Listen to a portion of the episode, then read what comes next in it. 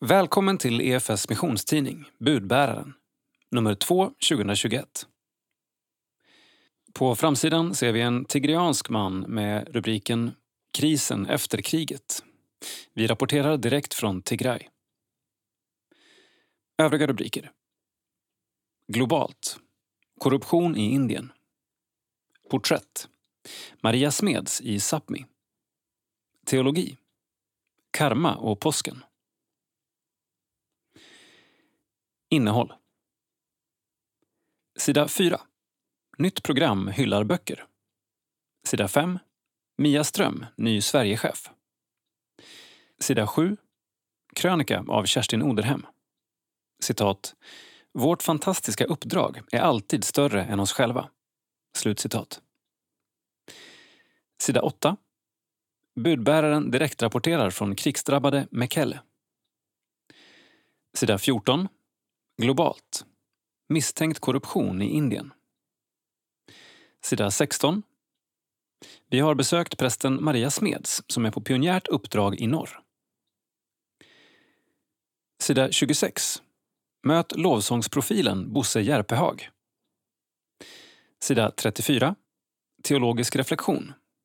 Kristen i en polariserad tid. Sida 36. Karma och påskens budskap. Teologi av Thomas Nygren. Sida 40. Kultur. Jeremia ljudsätter profetens liv. Sida 44. Kultur. Eklesiologiskt kapital. Sida 46. Kultur. Psalmgala till förmån för Tigray. Sida 47. Kultur. Psalm 443. Sida 50. Info. Nytt och aktuellt inom EFS och SALT. Sida 56. Årsmöte. Inför val till EFS styrelse. Sida 58. EFS region Norrbotten. Sida 60. EFS region Sydöst. Sida 62. Insändare. Debatt kring teologitext i budbäraren. Sida 65. SALT. Ni vuxna byggde upp min tro. Krönika av Rebecka Stighem.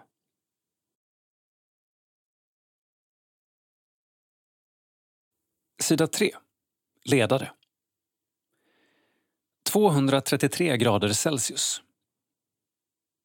Söker jag vara människor till lags? Om jag ännu ville vara människor till lags skulle jag inte vara Kristi tjänare. Galaterbrevet 1 och 10b. Fahrenheit 451 är inte bara den temperatur då papper självantänder. Det är också titeln på en berömd roman. Jag tillhör en generation som hade den som obligatorisk läsning i gymnasiet. Jag vet inte om det fortfarande är så. Men boken är ytterst aktuell. Den beskriver ett dystopiskt framtidsscenario där alla böcker är förbjudna och brandkårens uppgift är att bränna de exemplar som finns kvar. Därav titeln.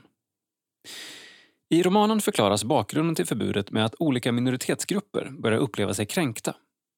Därför likriktas litteraturen allt mer då författarna utövar en allt strängare självcensur. Men det räcker inte. Och till slut blir konsensuslösningen att alla böcker förbjuds så att ingen ska kunna uppleva sig kränkt. Det är snart 70 år sedan boken kom ut. Men det räcker med att följa dagens kulturdebatt för att bli påmind om dess aktualitet. Med denna samhällsutveckling kommer också en stor utmaning för oss som kristna. När evangeliet förkunnas kan det uppfattas som kränkande. För nåden förutsätter ju lagen, att jag avslöjas mitt i all min synd så att jag kan omvända mig och ta emot nåden i Kristus. Därför måste vi tala om syndafallet, skapelsens brustenhet och vår egen inkrökthet. Trots att det kan uppfattas som kränkande och vi blir missförstådda, både utifrån vår intention och i vårt budskap. Vilket såklart frestar oss att förenkla och skala bort det som kan upplevas som stötande.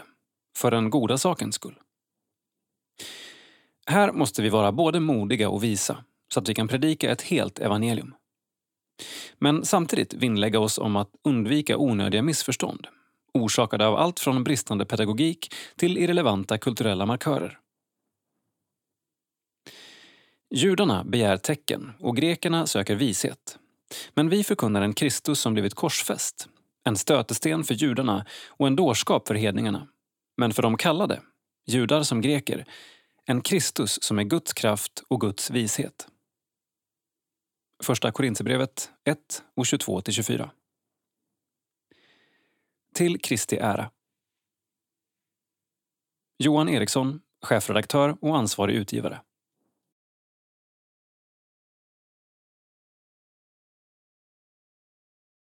Sida 4. Kortnytt. Nytt program som hyllar böcker. EFS bokhylla lyfter fram kristen litteratur. Programmet leds av budbärarens medarbetare Jakob Arvidsson och kommer att sändas live på EFS Facebook-sida en gång i månaden. I programmet kommer vi att lyfta fram aktuell kristen litteratur och alltid ha en gäst inbjuden till studion. Vi siktar till exempel på att bjuda in författarna till några av våra böcker, säger Arvidsson och fortsätter. I det första programmet gästades vi av EFS kommunikationschef Johan Eriksson som fick berätta om drivkraften bakom att EFS återigen ger ut böcker och den rika historia som EFS har kopplat till just böcker. I varje program kommer det också att finnas möjlighet att vinna böcker. På EFS kommunikationsavdelning försöker vi ha som mål att ha så mycket interaktion som möjligt med våra medlemmar. Utlottningar är ett roligt sätt att involvera de som tittar. EFS bokshop hittar du på webben.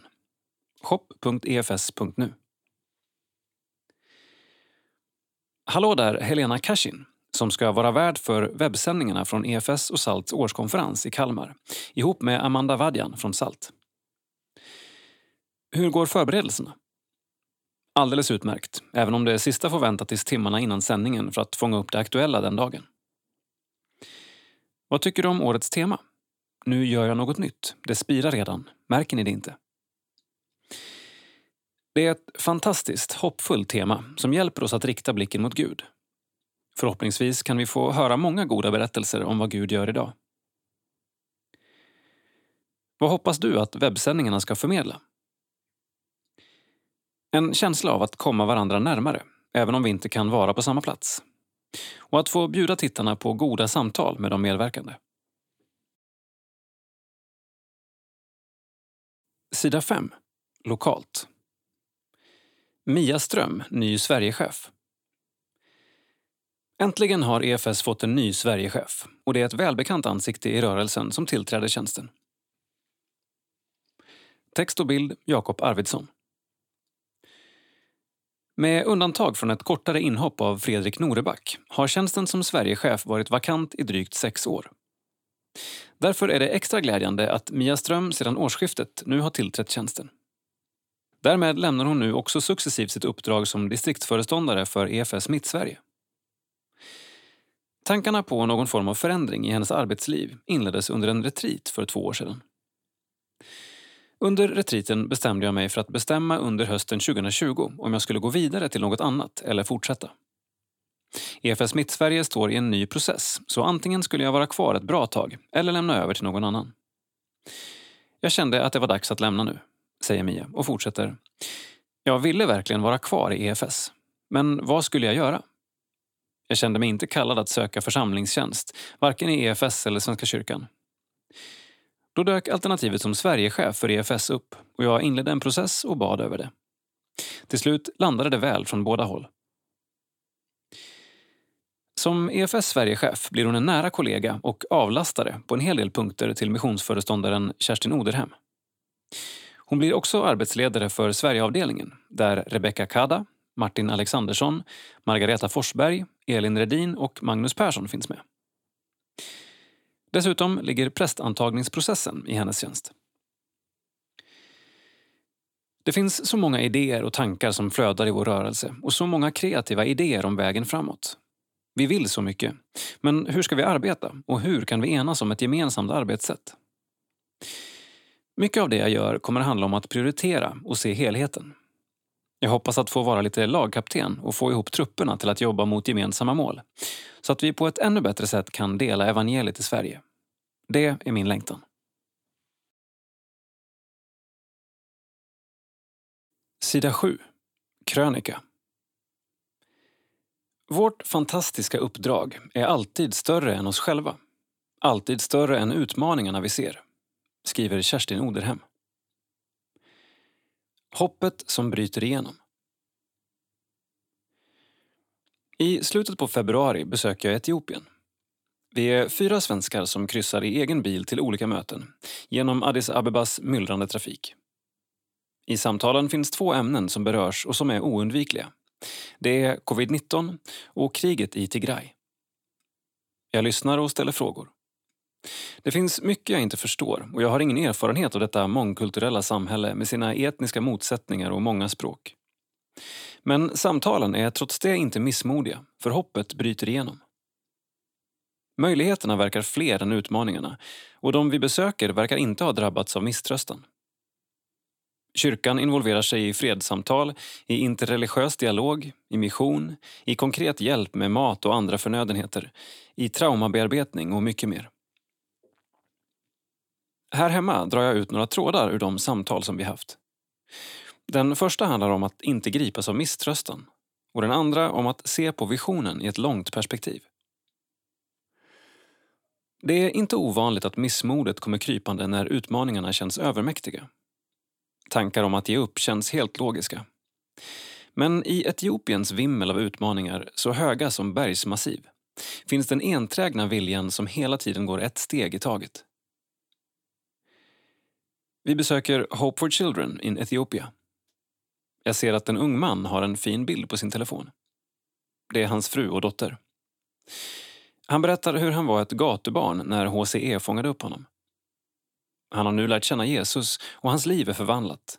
Nu hjälper han andra. Han säger till oss, ni räddade mig och därför har ni räddat generationer. Från barn till ung man har det gått många år men han är en av alla dessa som gör att organisationen efter över 20 år arbetar vidare. Antalet gatubarn är många, men tilltron till att förvandling är möjligt gör att man tar ett steg i taget.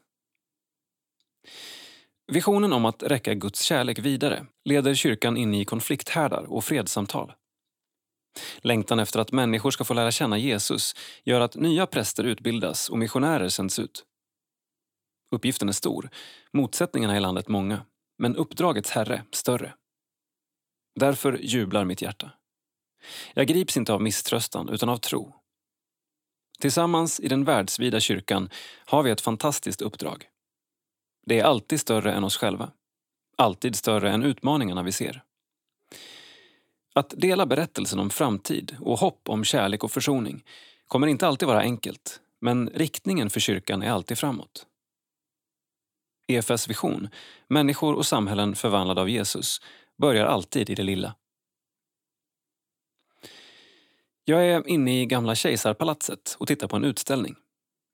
Det beskrivs hur olika religioner kommit till Etiopien. På den sista bilden står det om en man som blev bibelöversättare i Etiopien. Han blev viktig för en väckelse som skulle komma. Hans namn är Onesimus Nesib. En frigiven slavpojk som kom till EFS missionärer i Eritrea och blev döpt 1872. En liten kille, kidnappad från sin familj, fick bygga en bro för evangeliet till sitt folk. Utmaningarna må vara stora som berg, men Gud är alltid större. Kerstin Oderhem, missionsföreståndare EFS.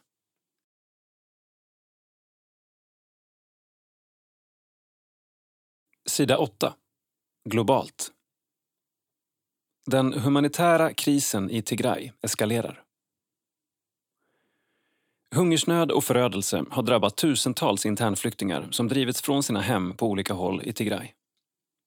Budbäraren har besökt regionhuvudstaden Mekelle som blivit en tillflyktsort för många tigreaner och fått en unik inblick i tillvaron för tusentals människor som desperat ropar efter hjälp.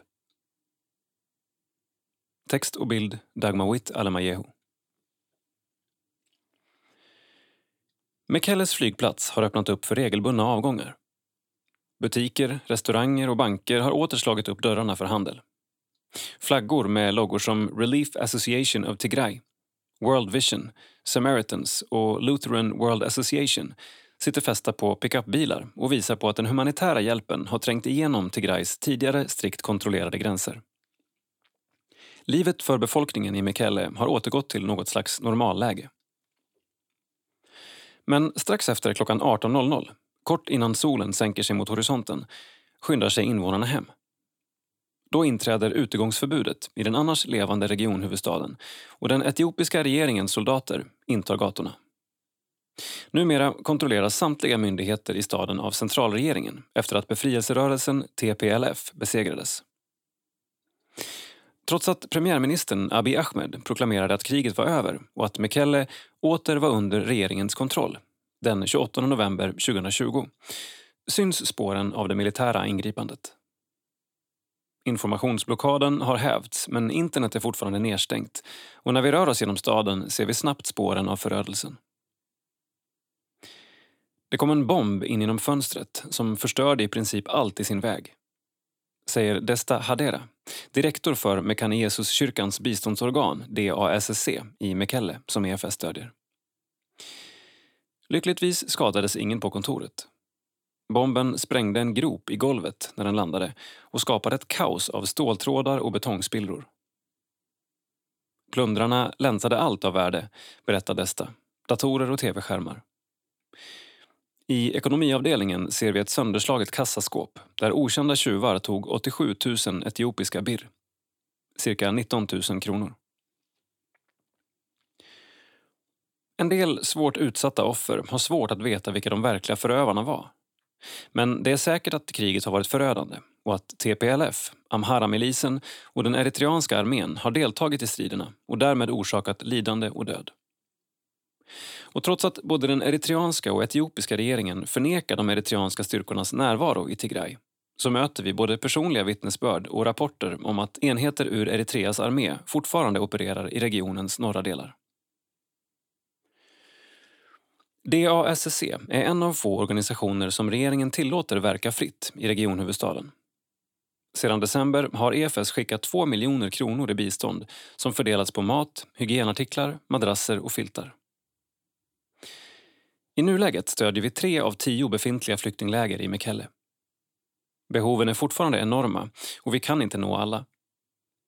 Planen är att även fokusera på internflyktingarna i Adigrat och Adwa och bidra med ytterligare minst en miljon kronor till de som drabbats hårt i konflikten, säger Desta.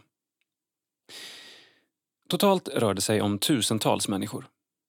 De kommer från städer och byar som drabbats i hela Tigray, men mestadels från de västra delarna. Många har hjärtskärande berättelser om sin flykt.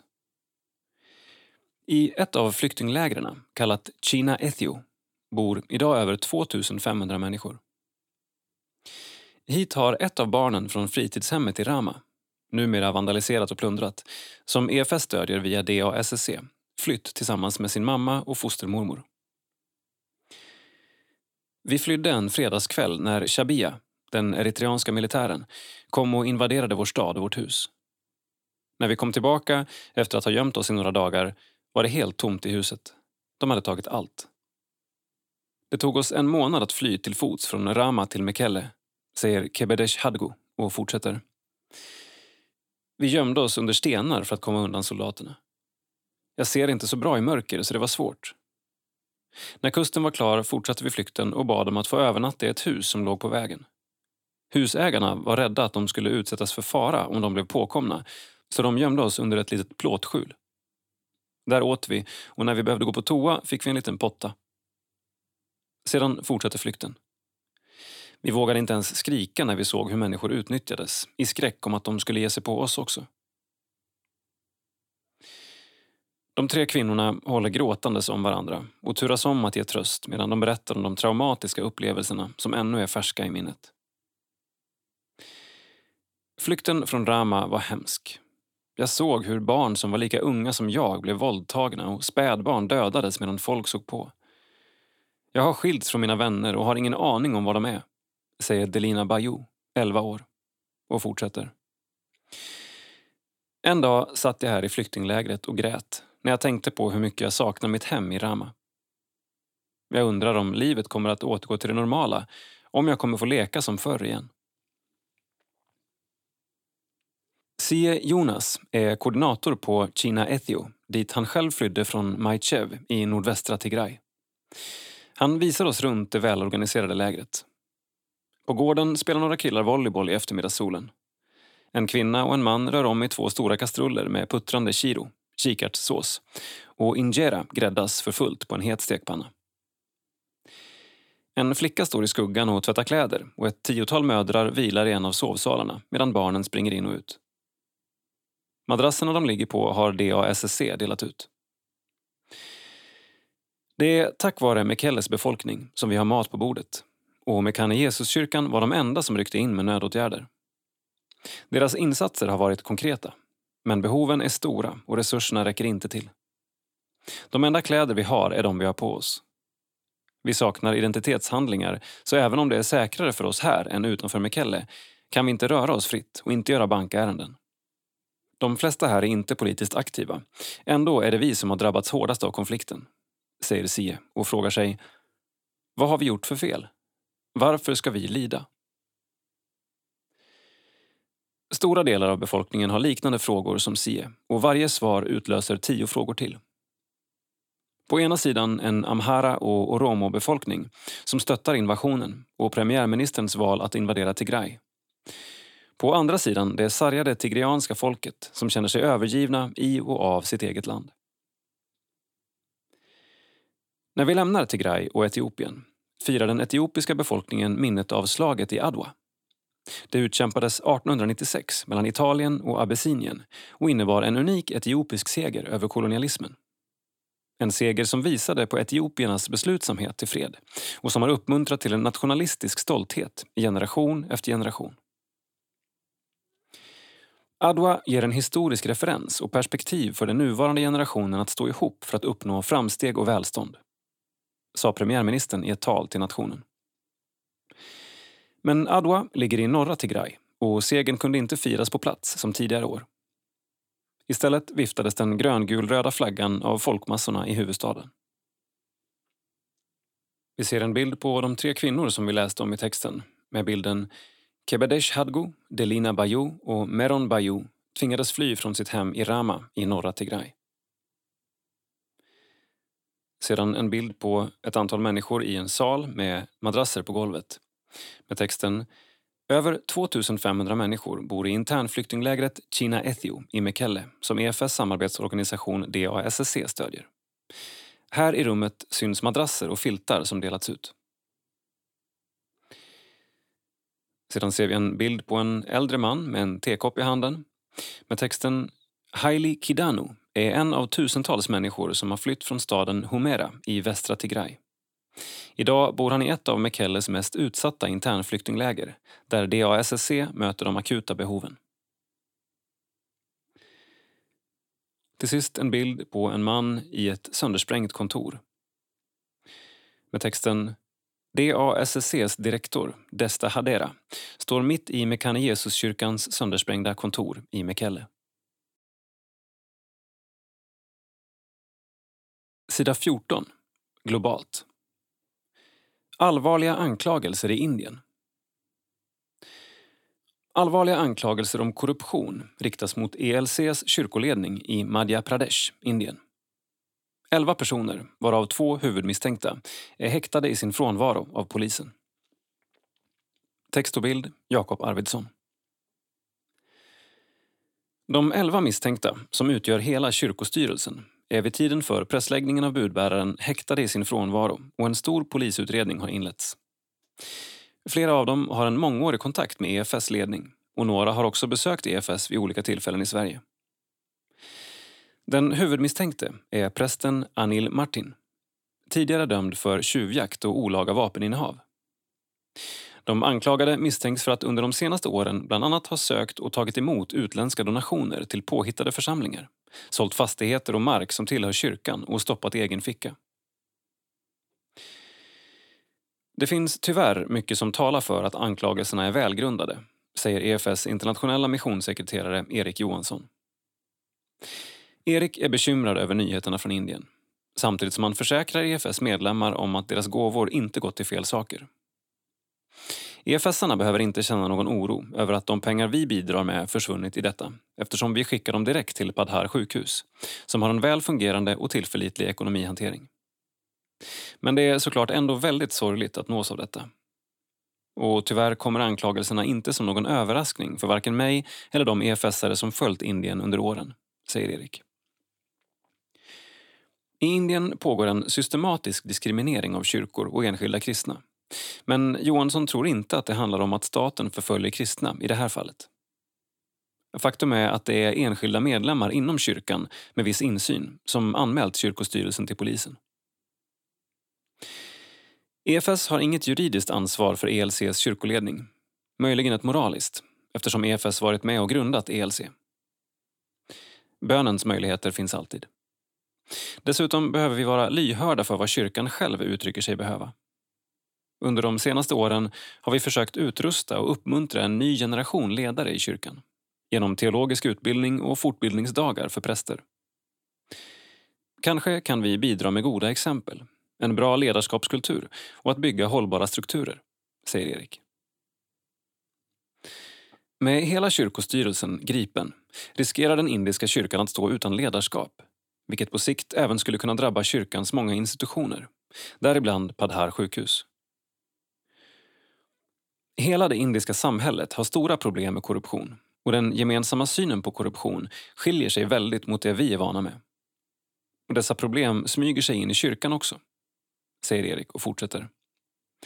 Vilka ska nu leda kyrkan framöver? Kan de anklagade lyckas slingra sig ur detta och komma tillbaka till sina poster? Om det blir nya ledare, kommer de väljas på ett schysst sätt eller via mutor? Frågorna är många och läget är osäkert. Det vi kan göra nu är att be, följa utvecklingen noggrant och se vad vi kan göra på kort och lång sikt för att förbättra situationen.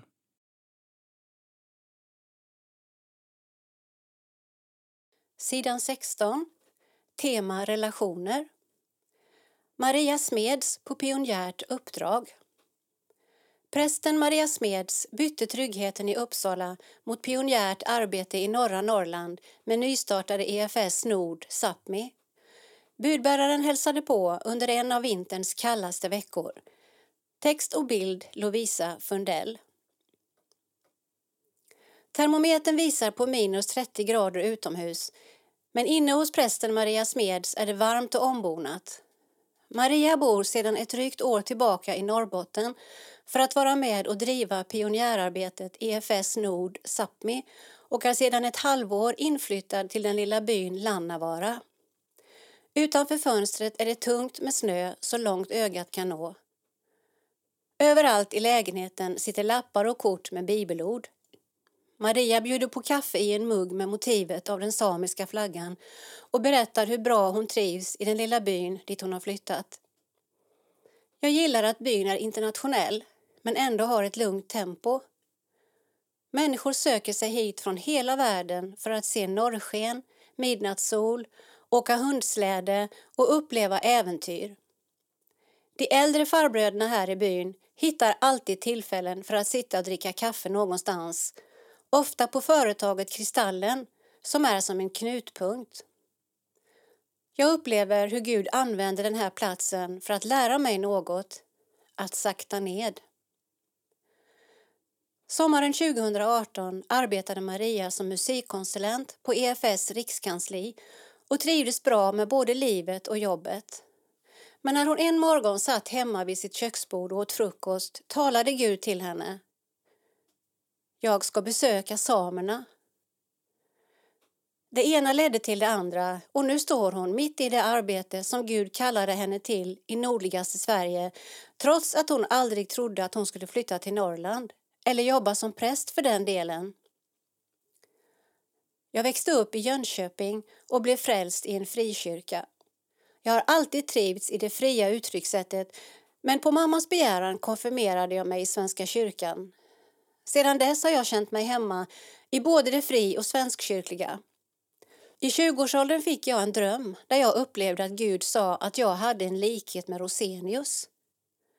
När jag vaknade var jag tvungen att kolla upp vem han var då jag aldrig hade hört talas om honom förut. Där började resan in i EFS för Maria. Hon attraherades av rörelsens driv för att starta nya kristna gemenskaper och påbörjade en distanskurs i just det ämnet. Hon visste tidigt att hon ville jobba pionjärt och trodde på den modell som EFS arbetade utifrån. Hon brann för musiken i kyrkan och visste att det var det hon ville göra i framtiden.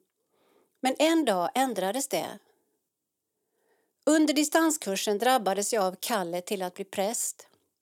Jag började storgråta och kände bara Nej, varför det, Gud? Musiken hade alltid varit mitt självklara sätt att föra evangeliet till människor. Jag tänkte att någon annan skulle vara en bättre präst än jag. Efter mycket om och men beslutade sig Maria för att i alla fall pröva kallelseupplevelsen och studera ett år vid Johannelunds teologiska högskola och flytta hem till Jönköping så fort som möjligt efter det. När hon blev tillfrågad om hennes slutgiltiga mål var att bli präst efter utbildningen så utbrast hon Jag vet inte. Fråga Gud. Frågar du mig ska jag inte bli det. Men efter några års studier och brottningskamp med Gud blev hon till slut prästvigd i Uppsala domkyrka. Och nu är hon här i nordligaste Norrland. På ett sätt känns det som att jag är i världens ände och att tiden står stilla här. På ett annat sätt så händer det mycket som inte kan uppfattas av blotta ögat, men jag upplever det i anden. Vi känner Jesus och vet vad han kan bidra med, att han kan vända mörker till ljus. Det finns många profetior över norra Sverige. Jag tror inte det blir några smådroppar utan att Gud vill vattna törstig mark med ett hällregn. Maria är en person som uppskattar fart och fläkt. Hon har spenderat många av sina dagar på resande fot och ser till att saker händer. Hon fyller på sin mugg med kaffe och reflekterar över att förändring också tar tid. Många samiska ungdomar fastnar i droger och alkohol och Maria upplever att det stundvis är frustrerande att möta mörkret om och om igen och inte alltid se en snabb omställning. Därav pekar hon på vikten av att leva i tro. Det vi gör här är ingen verksamhet på det sättet. Det är liv som möter liv. Och dessa liv kämpar inte sällan för att finnas. De flesta i dessa trakter känner någon som har avslutat sitt liv. Jag upplever hur Gud längtar efter att få förändra det. Tänk om alla kunde ta till sig att Gud står på deras sida. Här kan man uppleva att Sverige inte är på min sida. Det kanske till och med är emot mig. Samerna och andra minoriteter har tvingats att förändras för att duga. Men tänk om Jesus kunde få spänna ut tältdukarna och säga jag vill bo hos dig och i dig. Du är inte värdelös. Människor behöver det hoppet. Karl Olof Rosenius hade en önskan om att nå just det samiska folket, precis som Maria. Rosenius uttryckte till och med att han ville nå samerna innan man började missionera i andra länder. Han själv fick aldrig möjligheten men önskan levde vidare in i Lappska missionens vänner som startades av prinsessan Eugenie och andra medlemmar från EFS. Företaget Kristallen som finns i byn är grundat av Agnes Söderström som är i direkt nedstigande led släkt med August Lundberg, den första prästen utskickad av Lappska missionens vänner. De historiska vingslagen är påtagliga 150 år efter Rosenius död så startas EFS Nord Sápmi och nu består EFS-gruppen av tre medlemmar. Maria förundras över storheten i att få stå i det historiska skeendet. När jag funderade på min dröm, som visade på mina beröringspunkter med Rosenius, tänkte jag att det handlade om mitt själavårdande sätt att predika för människor och att jag, liksom han, skrev många sånger. Tårarna kommer när hon fortsätter. Just idag känner jag att sorgen är nära. Jag är glad för att vara här, det är inte det. Men kampen som både samer och tornedalsfinländare har fått och fortfarande får utkämpa påverkar mig på ett djupt personligt plan. Maria reflekterar över hur prästen August Lundberg flyttade till Lannavaara med syftet att nå samerna men hur han breddade sitt fält och så småningom började nå Tornedalsfinländare i området också. Precis så var det för mig. Jag upplevde en kallelse till samerna men när jag väl kom hit rörde alla folk här vid mitt hjärta. Gud står aldrig på någon sida i en konflikt utan på allas. Det är extremt viktigt att betona som kyrka. Något som Maria vurmar lite extra för är bönen som hon också tror är svaret på många av de problem och konflikter som finns i området. Den rot som inte rycks upp blommar. Jag tror att rötterna måste ryckas upp, framförallt genom bönarbete.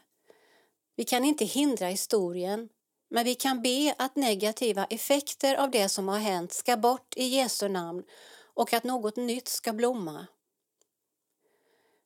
EFS-gruppens pionjära arbete ser Maria som något organiskt och naturligt. Det handlar om att vara här och stå till människors och Guds förfogande. Lyssna och följa med i det som redan sker.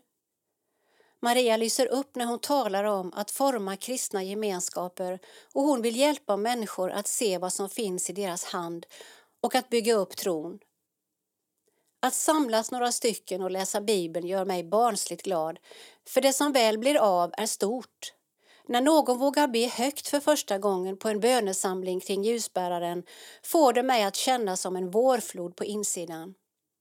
Varför blir man så löjligt glad av en tussilago? Jo, för att marken har varit frusen så länge och man har väntat på våren. Det blir som ett vårtecken. Glädjen att följa Gud dit han leder önskar Maria att fler kristna skulle få uppleva. Många tänker på missionen som något som bedrivs i Tanzania och Etiopien men tänk om Gud kallar vanliga svenskar som missionärer till Sveriges landsbygd. Landsbygden hotas av avbefolkning och det finns skriande behov av människor inom alla yrkesområden. Jag är övertygad om att jag finns här idag för att någon hade bett om förstärkning. Inte för att jag är enda lösningen, men vi ska inte heller se ned på det vi var och en kan bidra med.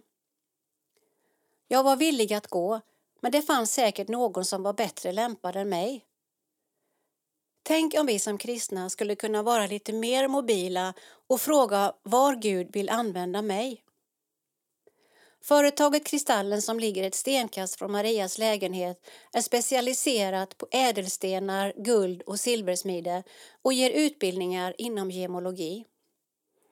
På somrarna brukar Maria gå ner till älven utanför företagets lokaler, vilket är hennes favoritplats i hela byn. Att se det guld som Gud har lagt ner i andra människor är som gudomlig gemologi, menar hon. Något hon försöker göra med alla som hon träffar. Guds rike består av alla folk och stammar och alla ska ära Gud med det som är unikt vackert i deras kultur. Gud är mångkulturell. Det finns något av Gud i alla kulturer och människor. Jag gillar inte jantelagen och det sättet att tänka. Vi alla har något att komma med och vi ska inte glömma det. Hon skrattar och erkänner att hon många gånger känner sig lite udda. Maria har en ivrig personlighet och hon sätter ord på det mesta hon ser och som händer, något som inte majoriteten gör här i det hon upplever som en tystnadskultur. Med all rätt. Samer och andra förtryckta grupper kan lätt välja att tiga för det som sägs kan användas emot dem. Där känner jag inte alltid vad som är känsligt och ibland trampar jag helt enkelt fel. När saker går snett vill jag leva i försoning och direkt be om förlåtelse och förlåtelsen är en nyckel till frihet från bitterhet. Arbetet med försoning innebär att jag måste leva i daglig omvändelse och motarbeta mitt kött.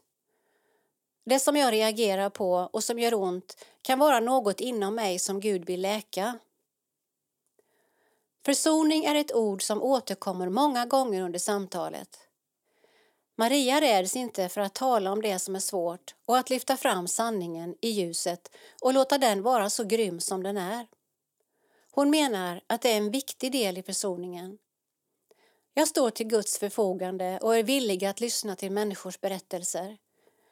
Att komma hit som präst och starta en EFS-gemenskap är ett format för att kunna göra det. Jag har följt Jesu kallelse hit till det som han längtar efter att göra en skillnad för. Men ytterst sett har jag ingen egen agenda. Jag har bara följt Jesus.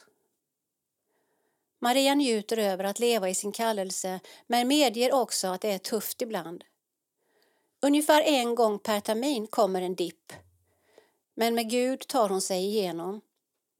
Hon trivs bra med att ha vildmarken runt knuten och har lärt sig att se på naturen på ett nytt sätt. Nu för tiden värmer det lite extra hjärtat när hon ser en räv springa över vägen eller en hare hoppa över snön.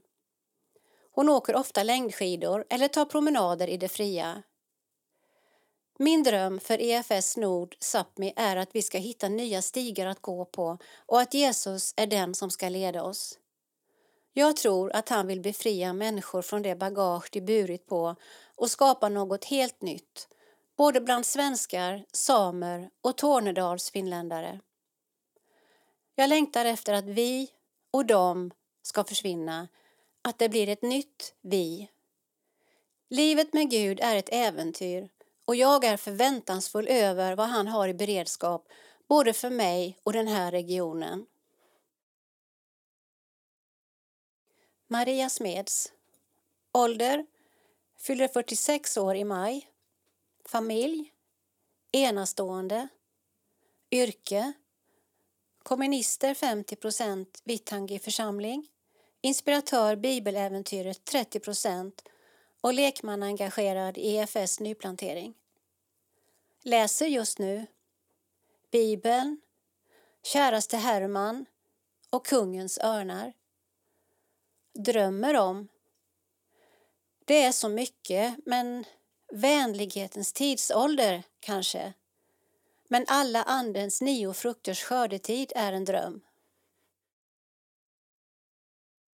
Lappska missionens vänner Lappska missionens vänner bildades 1880 på initiativ av prinsessan Eugenie. Arbetet med missionsskolan för samiska barn i Lannavaara började ta form från 1883 och pågick fram till 1916 då skolan övertogs av Svenska kyrkan och Kiruna kommun. August Lundberg var utsänd av Lappska missionens vänner och hans ättlingar lever fortfarande kvar i Lannavaara i byn finns också en minneskyrka till minne av prinsessan Eugenie. Sidan 26. Att tillbe Gud för Guds skull. Många har tittat på kända tv-program utan att veta att han komponerat bakgrundsmusiken. Ännu fler har sjungit hans lovsånger i vitt skilda sammanhang utan att veta vem han är. Men trots det kan man nog kalla honom för en profil inom svensk lovsångsliv.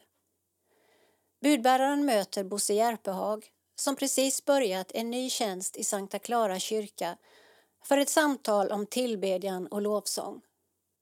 Text Magnus Persson, bild Rickard L Eriksson och Jakob Arvidsson. Varje år i december brukar musiktjänsten Spotify meddela vilken låt man lyssnat mest på under året. I år fick jag beskedet att jag under 2020 lyssnat på Mer av dig Jesus, Mer av dig med just Bosse Järpehag överlägset flest gånger. Vi behöver dessa enkla körer som rakt på sak sätter ord på vår längtan eller ger uttryck för vår tillbedjan genom att upprepa några få ord. Precis som vi behöver teologiskt rika texter som uppenbarar vem Gud är, gensvarar Bosse. Att lära känna dig är min längtan. Att lära känna dig. Att träda nära, nära ditt hjärta, se vem du verkligen är. Du är min far och jag är ditt barn. Jag vet att du älskar mig.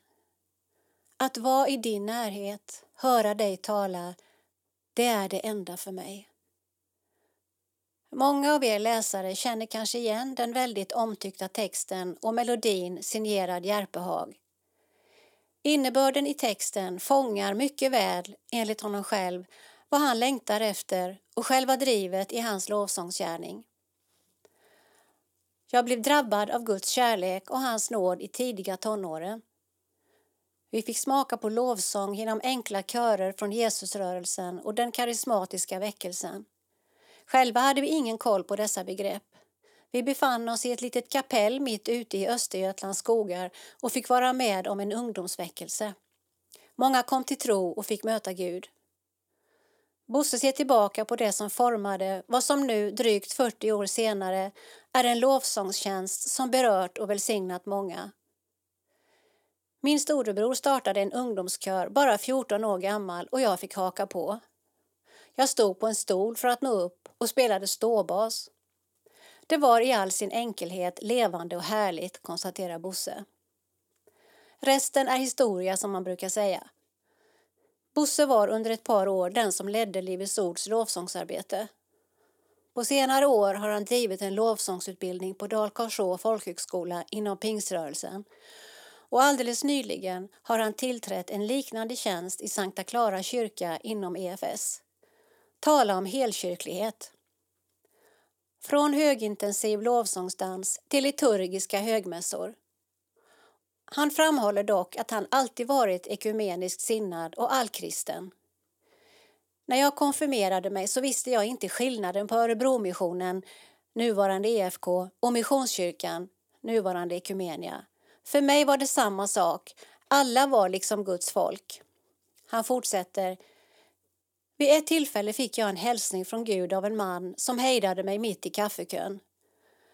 Han påminde mig om att min lovsångstjänst inte tillhörde ett speciellt sammanhang utan att jag skulle betjäna hela Kristi kropp.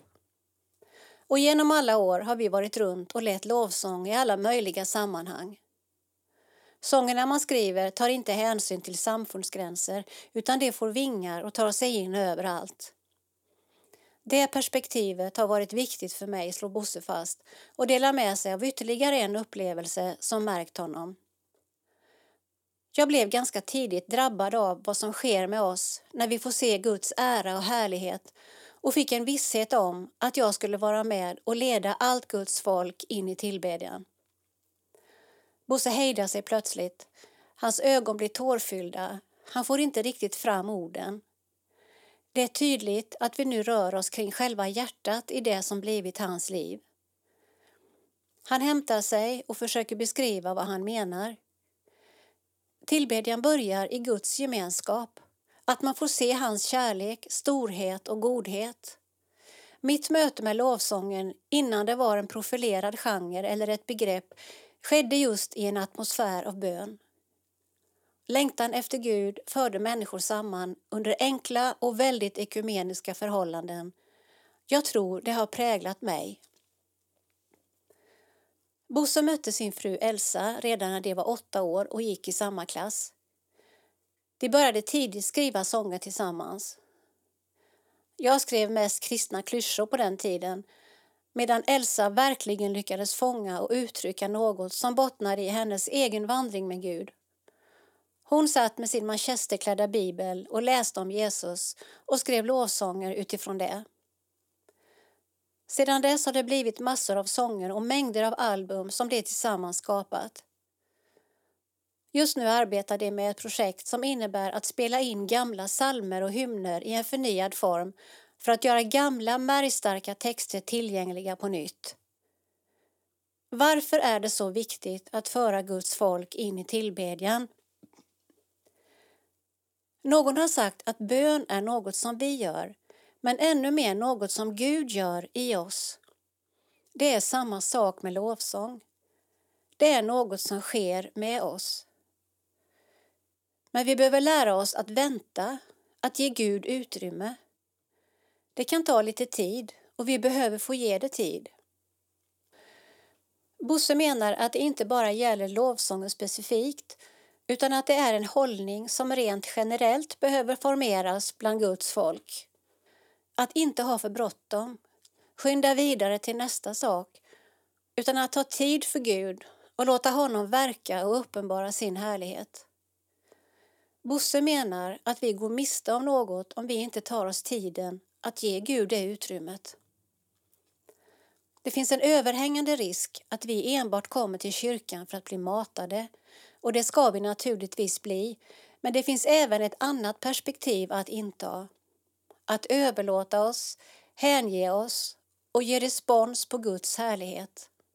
Vi behöver lära oss att tillbe i ande och sanning. Alltså inte tillbe bara för vår egen skull utan att tillbe Gud för Guds skull. Men hur formar man då en gudstjänstkultur av tillbedjan? Hur för man församlingen in i lovsång? Jag brukar försöka angripa dessa frågor från ett annat perspektiv. Annars kan det lätt bli att lovsången handlar om att få till något. Att den används som ett medel för att uppnå en typ av atmosfär eller frihet. Men lovsång är ju snarare ett mål än ett medel. Tillbedjan har ett egenvärde och uppstår ganska naturligt när vi får se Gud sådan som han är. Lovsången behöver därför måla Kristus som korsfäst för oss så att vi i och genom lovsång får se hans godhet, kärlek och skönhet. Då faller vi ner i tillbedjan. Bosse ser ingen som helst konflikt mellan lovsånger och betjänande sånger som förkunnar evangelium. Under många år drev han gruppen Miracle Music som betjänade kristenheten med såväl sånger som lovsånger. Vi får uttrycka vår tro, bön och längtan genom gamla sånger och salmer blandat med nya sånger som är födda i gudsmöten i vår egen tid. Hur ser då hans framtid ut i Sankta Clara kyrka? En tjänst som han tillträtt mitt under pågående pandemi och där det mesta hittills har handlat om ett digitalt gudstjänstliv. I Klara finns det redan ett rikt böne och lovsångsliv. I det kommer jag bidra och ge min gåva rakt in i ett mer liturgiskt gudstjänstliv. Till hösten drar dessutom Bosse igång en lovsångsskola i samarbete med Hagabergs folkhögskola på Klaragården mitt i huvudstaden. Utbildningen vänder sig till alla som vill arbeta med lovsång och musik inom kyrkan. Vi vill resa upp lovsångare med herdehjärta för Guds folk som i sin tur kan leda dem in i Guds stora fadershjärta. Flera av Bosses lovsånger kretsar just kring Guds trofasthet och betonar den förtröstan som växer fram i mötet med Guds godhet och storhet. Kanske mest känd är På dig min Gud förtröstar jag som sjungs i såväl Pingstkyrkan som Svenska kyrkan på seniorträffar liksom på ungdomssamlingar. En modern klassiker, kanske främst på grund av sin tröstande och trosvissa text. Här blandas både svårigheter och oro med vissheten om att Gud är med och aldrig överger oss. På dig, min Gud, förtröstar jag när oro skymmer min morgondag. För jag vet, du är trofast emot mig. När svårigheter omger mig så är jag ändå trygg hos dig. För jag vet att du aldrig lämnar mig. Är det natt eller dag, Herre, på dig förtröstar jag. Gud, du är alltid nära mig, ingen förändring finns hos dig. Du är densamme, igår och idag och i evighet. Du är min framtids säkra grund, du som står fast vid ditt förbund. Min klippa är du, allsmäktig Gud, jag ärar dig. Texten från en av Bosses mest älskade sånger På dig min Gud förtröstar jag. Bo Järpehag Ålder 55 år Bor Bor på landet ett par mil utanför Uppsala. Familj. Gift med Elsa sedan 36 år. Har tre vuxna pojkar. Arbete. Arbetar deltid som lovsångsledare i Sankta Clara kyrka i Stockholm. Milstolpar 1965 Föds i Finspång, Östergötland. 1973 Elsa kommer som ny flicka i Bosses klass. 1984 gifter sig med Elsa. 1985 startar Miracle Music en lovsångsgrupp. 1987 flyttar till Uppsala och går bibelskola. 1993 börjar jobba på Livets Ord som lovsångsledare. 2014 startar lovsångslinjen på Dal Karlså folkhögskola. 2021 börjar arbeta i Sankta Clara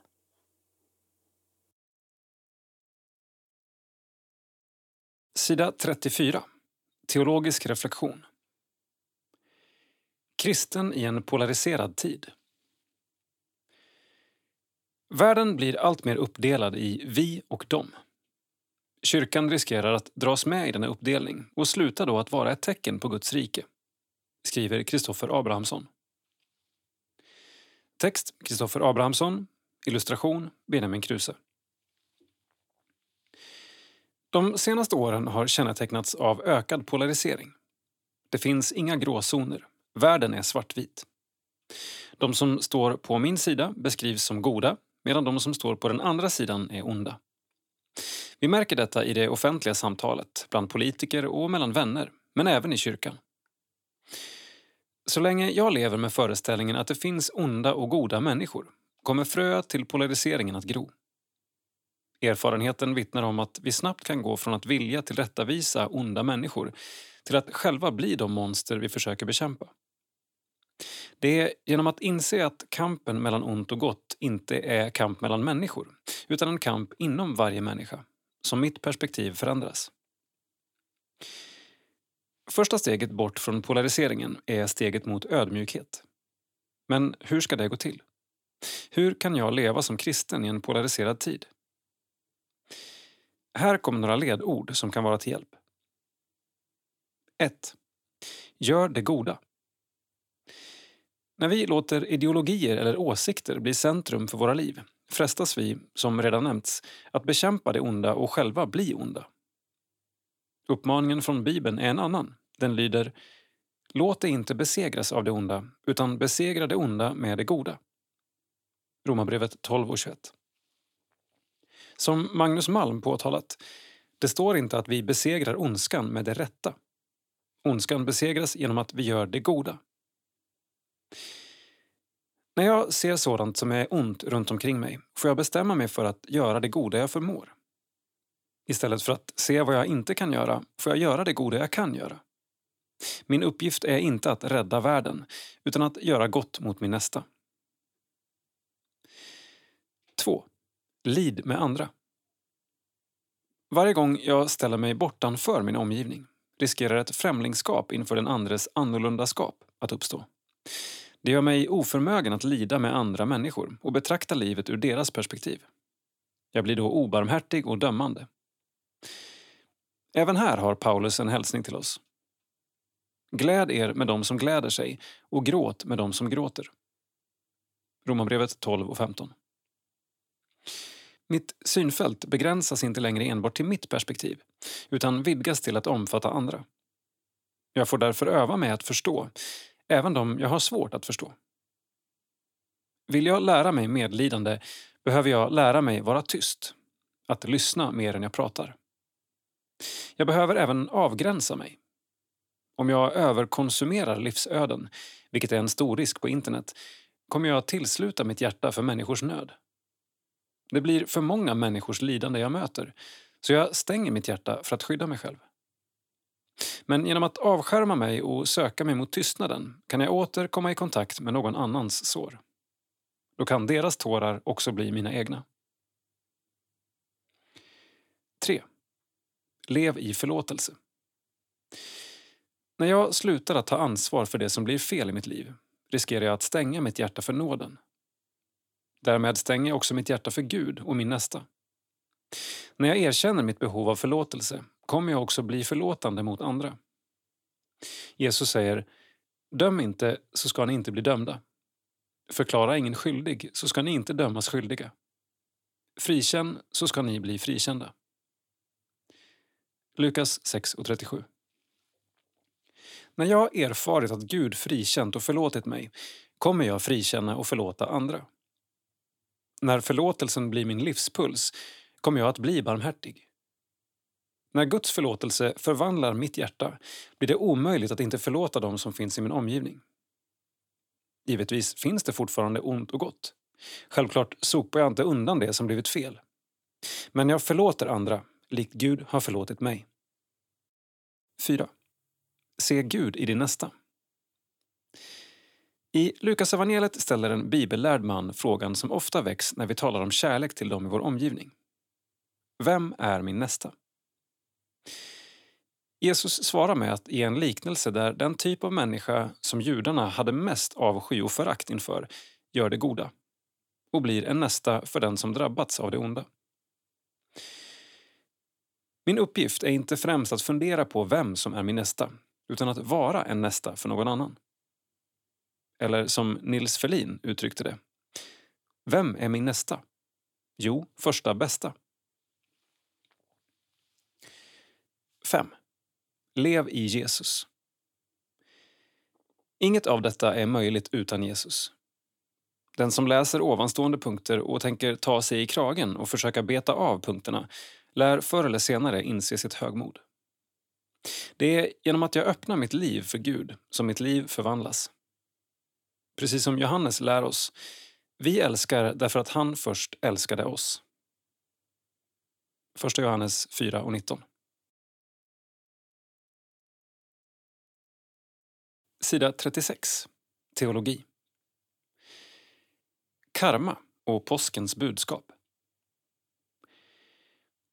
Omvändelse innebär att vända sig från sitt eget till det som Jesus ger. Omvändelsens väg är därför alltid kort, skriver Thomas Nygren. Text Thomas Nygren, illustration Benjamin Kruse. En influencer skrev på sin blogg för en tid sedan. Jag har bara en sak att säga just nu. Jag måste ha så dålig karma. Jag är inne i en sådan period där inget går bra. Hon berättar sedan om allt som gått henne emot. Slutsatsen i bloggen var att nu var det dags för henne att gå ut på stan och göra goda saker. Som att bjuda på kaffe och pepparkakor för att vända på sin karma. Och hon är inte ensam om detta sätt att se på tillvaron. Den gamle Beatles-medlemmen John Lennon skrev 1970 en stor hit som hette Instant Karma, som handlade precis om detta. Talet om karma och karmas lag har sitt ursprung i österländsk religion och filosofi. Karma handlar om orsak och verkan. Om en människa gör goda saker samlar hon på sig god karma vilket enligt till exempel buddhismen framförallt har betydelse för vad hon kommer att återfödas som. I västerländsk tappning av karmas lag, som till exempel John Lennons, har man gjort lite mer av snabbkaffetolkning av den. Det jag gör kommer att leda till följder i mitt liv här och nu.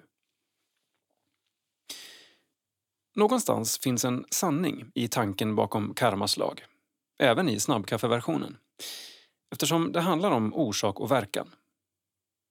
Om en person handlar på ett riktigt dumt och elakt sätt och sedan själv drabbas av sitt onda tilltag säger vi att synden straffar sig själv. På motsvarande sätt kan också vissa goda gärningar, som exempelvis en hjälteinsats som media uppmärksammar, leda till omedelbar belöning för den som utfört dem. Eftersom denna typ av bekräftelser finns är det lätt att dra ut linjerna till hela livet.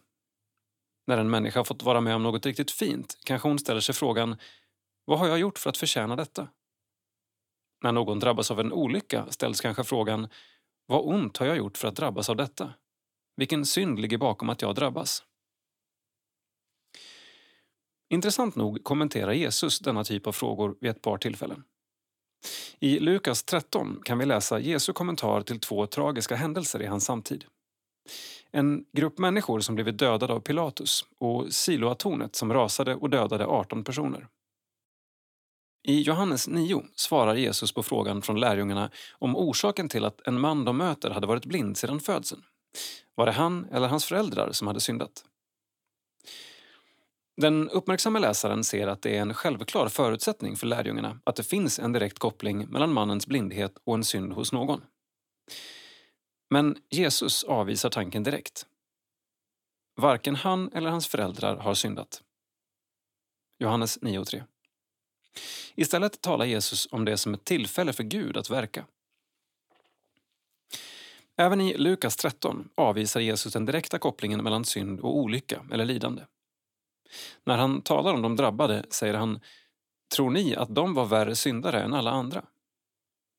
Lukas 13 och 2. Se även vers 4. Jesus avvisar den direkta koppling som vi genom olika varianter av karmas lag så lätt sätter upp. Istället förutsätter Jesus den generella koppling mellan synd och olycka som enligt Bibeln finns. Genom att synden kom in i världen finns olyckan och det onda som ständiga risker och villkor för livet. Men just därför att synden finns i världen finns den också i var och en. Och det är bakgrunden till vad Jesus säger i fortsättningen. Nej, säger jag. Om ni inte omvänder er ska ni alla mista livet, precis som dem. Lukas 13 och 5. Här säger Jesus att alla egentligen förtjänar att få ett silotorn över sig. Underförstått om man skulle se till vad vi har i våra hjärtan. Det här säger han till lärjungarna vars liv för tillfället gick ganska bra. Det betyder att den riktiga reaktionen, oavsett om olyckan hotar eller om livet går bra, är att omvända sig. Ja, kanske behöver vi påminnas om omvändelse allra mest när livet går som på räls eftersom vi då löper de största andliga riskerna. Den som är i nöd kan lättare komma ihåg att vända sig till Gud. Men synden är djupast sett inte att vi gör onda handlingar, även om det givetvis är synd, utan att vi själva tar den plats som tillkommer Gud i våra liv. Det tar sig bland annat uttryck i att när allt går väl är det lätt att börja samla på framgångarna som välförtjänta meriter och jag gör mig själv till mitt livs centrum. Det tar sig också uttryck i att vi börjar se ner på andra som inte lyckas lika bra och vi blir lika den farisé Jesus berättar om i Lukas 18 som gick upp till templet för att be. Hans bön var en välformulerad meritlista som visade att han egentligen inte ansåg sig behöva Gud. Slutsatsen blir att vi behöver frälsning. Det är precis det som påskens budskap handlar om. Ett alternativt sätt att uttrycka påskens budskap skulle kunna vara att Jesus låtit alla världens silotorn rasa över honom. Han förtjänade inte att dö, men valde att dö i vårt ställe. Att ta det vi förtjänade, våra silotorn. Vi däremot som förtjänade att dö fick vad vi inte förtjänade, att leva.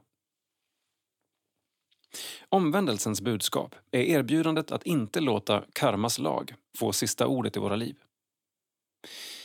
Visst kan budskapet om omvändelse verka som en nollning för oss. Speciellt när det, som i Lukas 13, riktas till oss även när allt går väl. Och det är sant. Det är en nollning. Men en nådefull och fantastisk nollning. Jag får glömma mig själv och se på Jesus. Om jag lever i omvändelse kommer jag när allt går väl i livet att vila i att det är en Guds nåd. Och jag behöver då inte hamna i självrättfärdighetens merittänkande som alltid automatiskt börjar se ner på andra som inte lyckas lika väl. När det går mig illa kommer jag att veta att detta inte är Guds straff över mitt liv. Vi lever ännu inte i paradiset. Olyckan kommer inte att ha sista ordet. Det har Jesus. Omvändelse innebär att vända sig från sitt eget till det som Jesus ger. Omvändelsens väg är därför alltid kort. Det är att vända sig till honom som gått den långa vägen upp på ett kors i mitt ställe. Det är något helt annat än karmas lag. Det är nåd.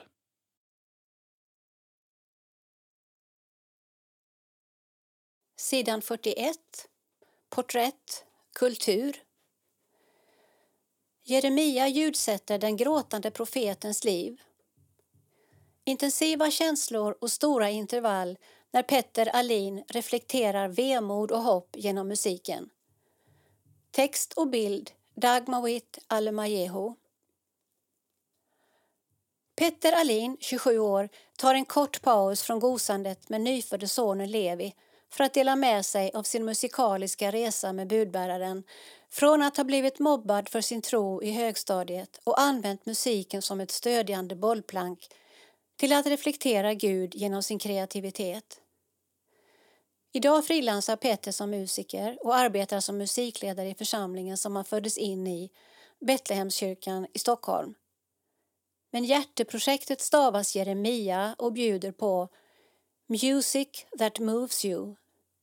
Music that moves you. Music that makes you move. Musik som berör dig, musik som gör att du rör på dig. I Bibeln kallas Jeremia ibland för den gråtande profeten. Han gråter för att han ser allt som gör ont i världen och allt som gör ont i hans eget hjärta. Sen pekar han ändå på hoppet och på Gud. Och det tänker jag att jag vill göra med musiken som jag skapar med jazzbandet Jeremia. Det som berör mig och får mig att gråta kanske kan beröra någon annan och få någon annan till tårar, säger Petter. Igenkänningsfaktorn är hög när Petter läser mellan raderna i profetens bok. Han känner igen sig i sorgen, i frustrationen och i besvikelsen. Jag var väldigt ensam som ung kristen och under högstadiet blev jag retad och mobbad för min tro. I årskurs sju var det några i nian som kastade en papperskorg på mig och ropade Jesus efter mig i korridorerna. Under den här tuffa perioden var musiken väldigt viktig för mig. Den väckte en massa känslor och hjälpte mig att bearbeta mina tankar. När Petter kom in på musikgymnasiet Rytmus bad han om att få kristna klasskamrater. Guds gensvar till bönen var åtta nya vänner som han fick dela sin tro med i vardagen och utanför familjehemmet. Tonåren präglades även av konfirmations och livskraftsläger och av att navigera sig genom ett hav av musikstilar och uttryck för att slutligen landa i en eklektisk musikalitet. Elgitarr är mitt huvudinstrument men jag har även spelat trumpet och piano och stilar som pop, gospel, rock och jazz. Jag tror dock att min största gåva är musikaliteten i huvudet, att kunna se helheten, arrangera och jobba i ensemble. Musikkollektivet Jeremia föddes 2018 efter att Petter bestämde sig för att färdigställa och spela in ljudspåren som gång på gång spelades i hans huvud. Musiken skrev han mestadels hemma men även i en gammal radiostudio i Betlehemskyrkans källare.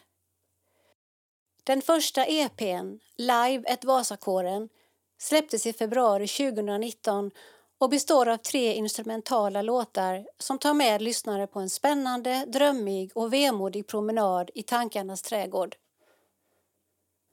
Jag vill reflektera livet i sin helhet med musiken. I bland annat jazz pratar man om tension och release som grundpelare, alltså uppbyggandet av musikalisk intensitet som så småningom löser upp sig. Livet kanske inte alltid löser upp sig i C-dur och därför har jazzen, som är lite mer nyanserad än ett snällt ackord, en förmåga att fånga även de känslorna som man ibland vill undvika och det uppskattar jag. Låttitlarna är inspirerade av Bibeln. The man who owned too much. My name is legend och State of loneliness. Jag hoppas att Gud återspeglas i musiken. Jag försöker fånga vissa känslor som leder mina tankar till Gud. På samma sätt kanske det kan få beröra någon annan och leda deras tankar till Gud. Bandets första internationella turné genomfördes i Addis Abeba i Etiopien. Sju konserter betades av på fyra dagar inför fullsatta lokaler med över 3 000 jazzentusiaster.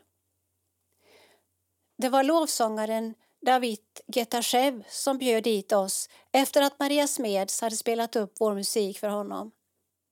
Det var fantastiskt att koppla med människor från en annan kultur genom musiken. En av de första turnéerna blev även bandets sista innan pandemin slog till.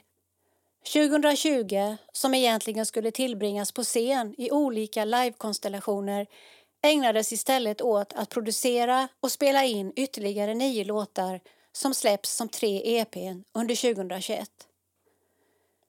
När vi spelade in den första EPn bestod bandet av tio musiker. Den här gången var vi över 20 musiker. Jag har jobbat länge med låtarna och bjudit in begåvade instrumentalister och hoppas att folk blir berörda när de hör musiken. Men för mig är målet med skapandet uppfyllt redan när jag sitter och skriver.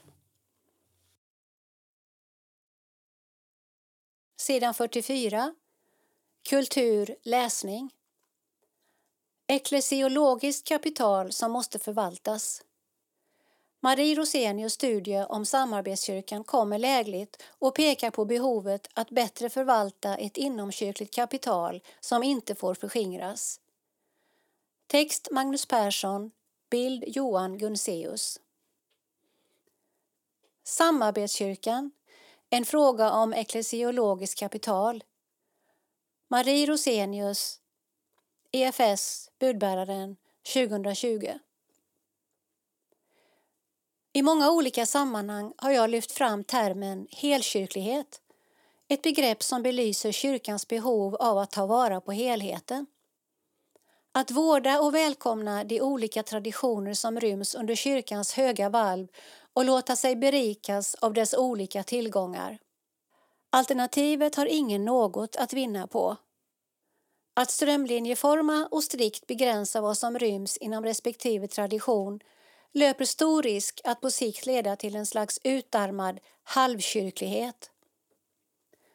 På uppdrag av avdelningen för kyrkoliv vid Kyrkans hus efter överläggningar i samarbetsrådet EFS Svenska kyrkan har Marie Rosenius genomfört en studie om vilka utmaningar och möjligheter som finns i den inomkyrkliga samverkansformen mellan EFS och Svenska kyrkan.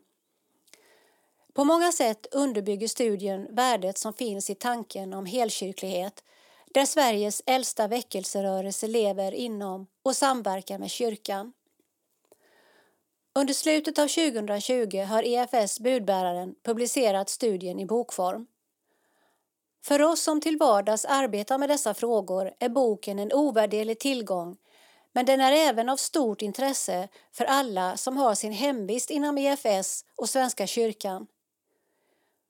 Boken har flera fördelar men det största värdet är kanske just att innehållet bygger på empirisk forskning och inte är en presentation av någons personliga åsikter. Det finns åtskilligt att lyfta fram från boken vilket vi har anledning att återkomma till vid annat tillfälle. Slutsatsen av Rosenius studie redovisas redan i titeln EFS inomkyrklighet och mer specifikt att samarbetskyrkan är ett eklesiologiskt kapital som bättre behöver förvaltas av både EFS och Svenska kyrkan. Den främsta utmaningen är bristande kunskap och insikt om vad EFS är och kan bidra med i bygget av ett dynamiskt församlingsliv. Som en inomkyrklig väckelse och missionsrörelse identifierar Rosenius att samverkan bidrar med följande tillgångar. Gemenskapskapital, andligt kapital, traditionskapital, lekfolkskapital och bildningskapital. I samarbetsrådet har vi därför sjösatt ett stort projekt under 2021 med arbetsnamnet Kunskapslyftet. Målmedvetet och pedagogiskt kommer vi att arbeta för att stärka kunskapen genom att lyfta fram dessa tillgångar och peka på de möjligheter som finns och väl motsvarar flera av kyrkans största behov just nu. Håll utkik!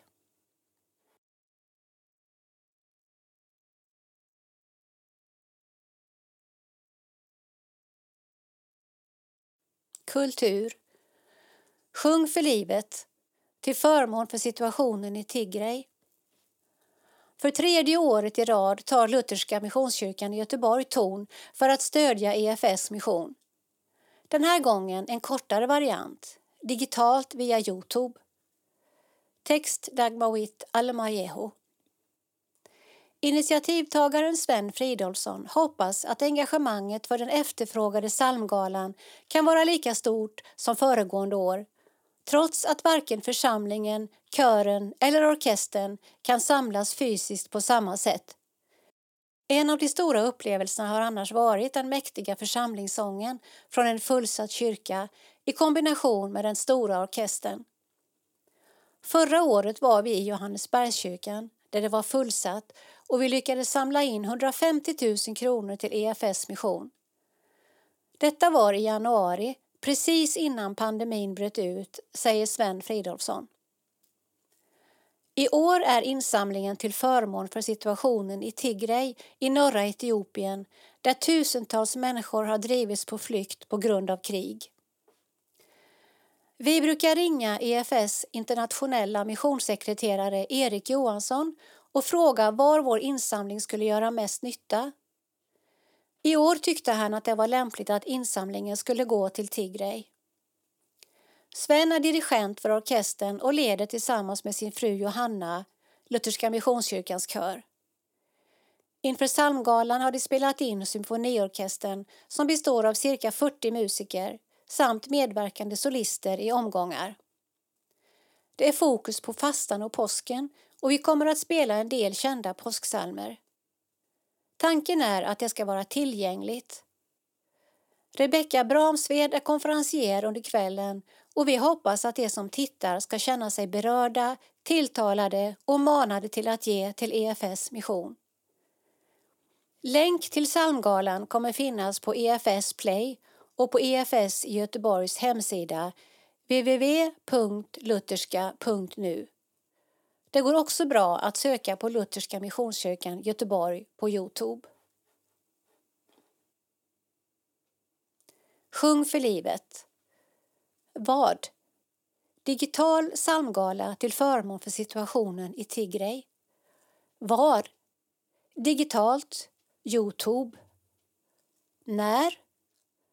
Lördag 27 mars klockan 19.00.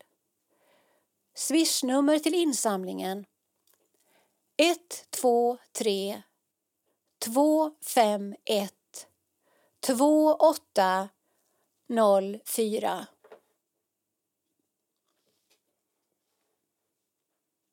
Kultur psalm. Svenska psalmboken 443 Dig vi lovsjunger ärar. Dig vi lovsjunger ärar. Jesus de fattigas konung. Hosianna vi nu sjunger som barnen en gång. Du är väntad av alla, du är vår Herre och broder. Ingen varit och är, älskad, välsignad som du. Där du rider på gatan lägger man kläder, strör palmer. Runt omkring dig hörs rop, stadens och gatornas sång. Träden, stenarna sjunger, Jorden och himlen dig prisar, änglarna sjunger med oss. Du är vår glädje och frid. En härlig sak med psalmboken är att den inte bara innehåller vår tids sånger utan också slitstarka psalmer som sjungits i många århundraden och i andra länder. Till palmsöndagen har vi en pärla som stämmer in på detta. Dig vi lovsjunger, ärar, Svenska psalmboken 443. Den känns modern, men skrevs redan år 820. Att vi sjunger den idag har vi Anders Frostenson att tacka för. Ingen har betytt mer än Anders Frostenson för vår nuvarande psalmbok. Han har inte bara skrivit många omtyckta egna psalmer utan också introducerat en stor mängd både välkända och okända från andra länder och gjort lysande bearbetningar av dem till svenska. Dig vi lovsjunger ärar skrevs av spanjoren Theodulf som var präst, poet och teolog och redan vid 25 års ålder blev biskop i Orléans i Frankrike. Salmen lär i original ha haft 35 verser. Den svenska texten är enkel och fräsch Barnen och de fattiga nämns särskilt bland dem som hyllar Jesus. En detalj är att Frostenson har slopat många och i texten, vilket gör att den får ett fint flyt. Lägger man kläder, strör palmer, går mot uppståndelsen, ljuset. Som så ofta är det kombinationen av bra text och bra musik som gör salmen så härlig att sjunga. Karl-Bertil Agnestig, som skrivit melodin, är nog mest känd för sin pianoskola Vi spelar piano. Han tonsatte också körsånger, barnvisor och salmer. Agnestigs skicklighet visar sig i att hans sånger är enkla och lätta att sjunga och samtidigt så melodiska.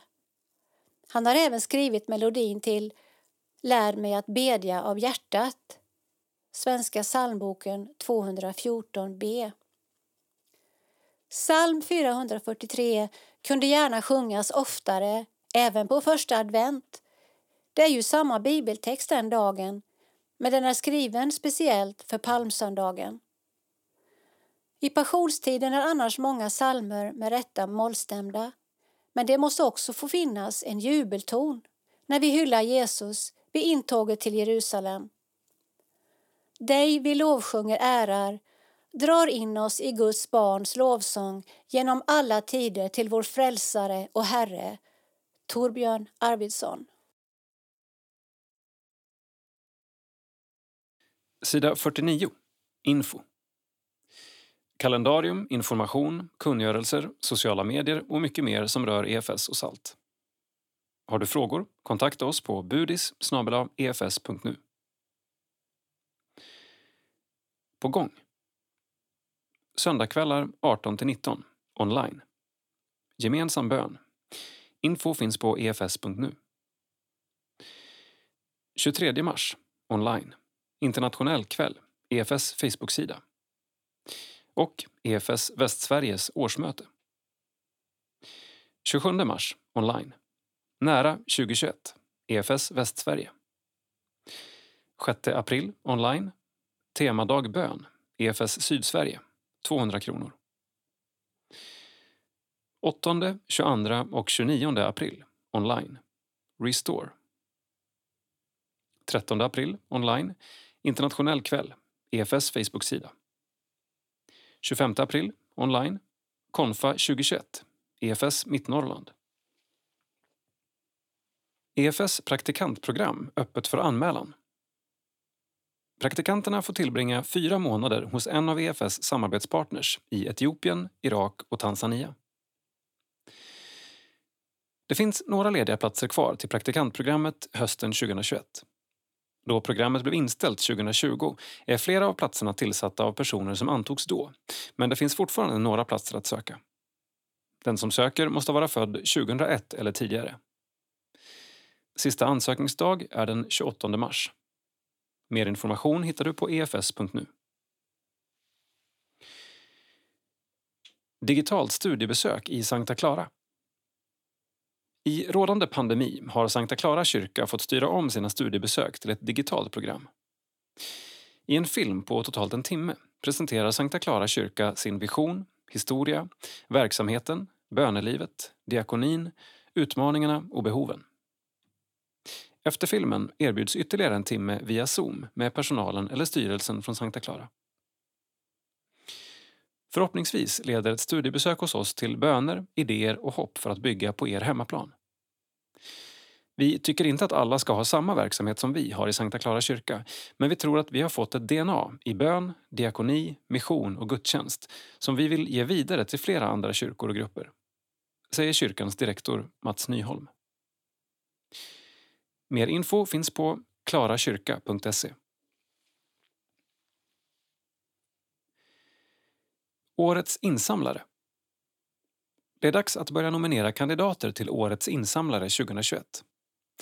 Utmärkelsen kommer att delas ut vid EFS och SALTs årskonferens i Kalmar.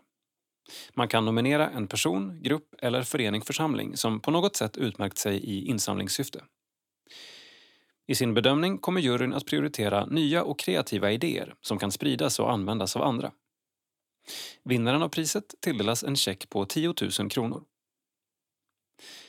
Det här är ett sätt för oss på EFS att uppmuntra alla som på ett eller annat sätt jobbar med insamling, säger EFS insamlingschef Johan Eriksson. Senaste vinnarna. 2018. Tidningen Dagen för hjälpen med Afrika svälter. 2019 Lutherska Missionskyrkans kör i Göteborg för deras psalmgala. 2020 Martin Nilsson för lång och trogen tjänst i Lötenkyrkan Uppsala. Skicka ditt förslag. E-post budis efs.nu e Post EFS Attention Årets insamlare 2021 Box 23001 750 23 Uppsala. Sida 51. Insamling. Miljonbelopp till EFS från Humanfonden. Under 2020 fick EFS in drygt 1,7 miljoner kronor via Humanfonden. Humanfonden är en vanlig aktiefond som sparar i svenska aktier i första hand. Det är en etisk fond som aktivt väljer ut de som jobbar med miljö, mänskliga rättigheter och bra arbetsvillkor. Det som är unikt är att det inte finns någon fondavgift. Istället går 2% av innehavet årligen till ett egenvalt ändamål. Och då går det utmärkt att välja EFS. Den stora vinsten är dessutom att man inte behöver betala någon skatt på det man skänker. Alla vinner egentligen på detta, utom banken, säger EFS ekonomichef Roland Hyving. Totalt har EFS medlemmar ungefär 85 miljoner kronor i den här fonden vilket gav cirka 1,7 miljoner till EFS huvudkassa. EFS, där det bäst behövs, under 2020. Om alla skulle ta ut pengarna under året blir vi ju utan, men vi budgeterar med ungefär hälften av det vi nu fick. Resten blir en glad överraskning, säger Roland. Att börja spara i Humanfonden är enkelt. Ta kontakt med din bank och säg att du vill börja spara i Humanfonden. Det går också att göra på bankernas hemsidor. Sedan väljer man vart pengarna ska gå och väljer EFS. Resten sker per automatik, säger han. Gåvoresultat februari. EFS. Insamlat 1,4 miljoner kronor. Budget 1,6 miljoner kronor. Det preliminära insamlingsresultatet för februari är närmare 1,4 miljoner kronor vilket är cirka 200 000 kronor under budget. Insamlat 3,4 miljoner kronor. Mål 2021 30,3 miljoner kronor. Salt. Insamlat 61 623 kronor. Mål 2021 1 miljon kronor. Gåvoresultatet för februari ligger tyvärr långt efter budget. Vi har en offensiv budget att nå hur mycket kan du ge för att stötta arbetet med barn och unga inom EFS och SALT?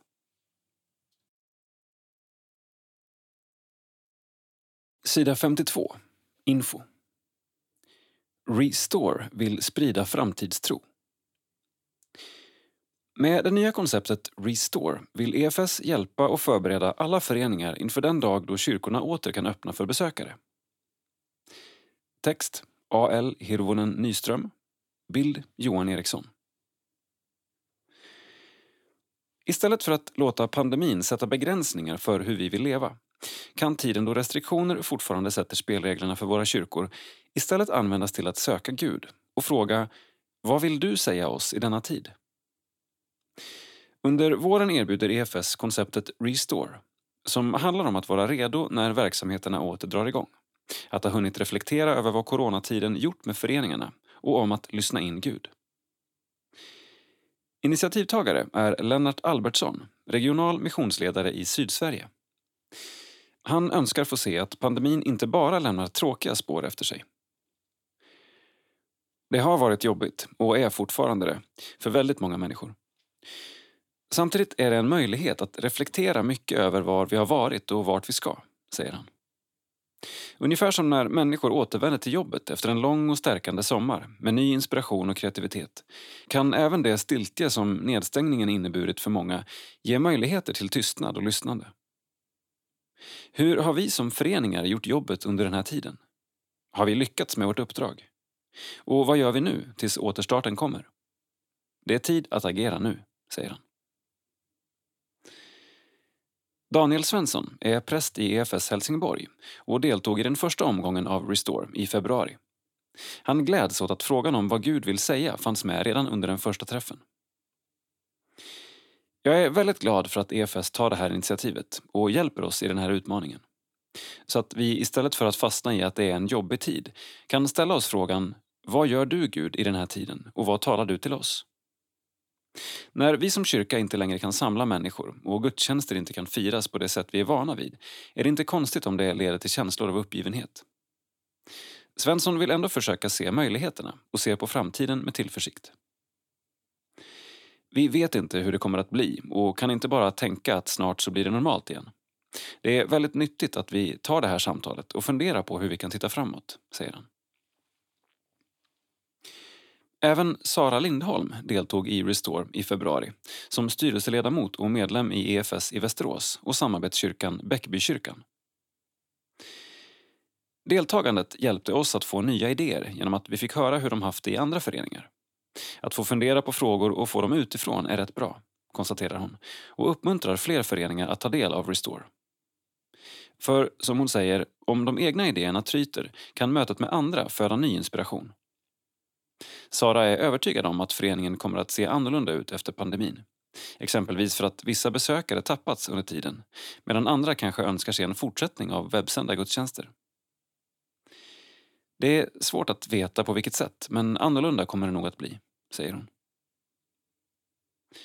Att föreningarna och verksamheterna kan komma att förändras är enligt Lennart Albertsson precis som det ska vara. Jag gillar bilden av att vi inte är på väg tillbaka till Egypten, till det redan kända, utan att vi istället går mot ett okänt land som vi har hört talas om. Han påminner om att EFS faktiskt kallas för just en rörelse, något som är på väg. Det är ett häftigt ord och en nyttig påminnelse, säger han.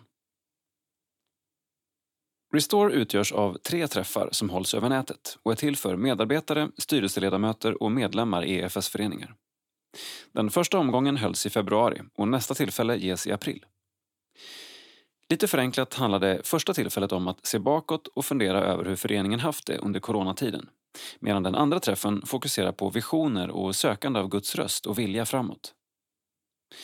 Vid sista tillfället ges deltagarna möjlighet att konkret fundera på vad som ska göras för att visionerna ska uppnås.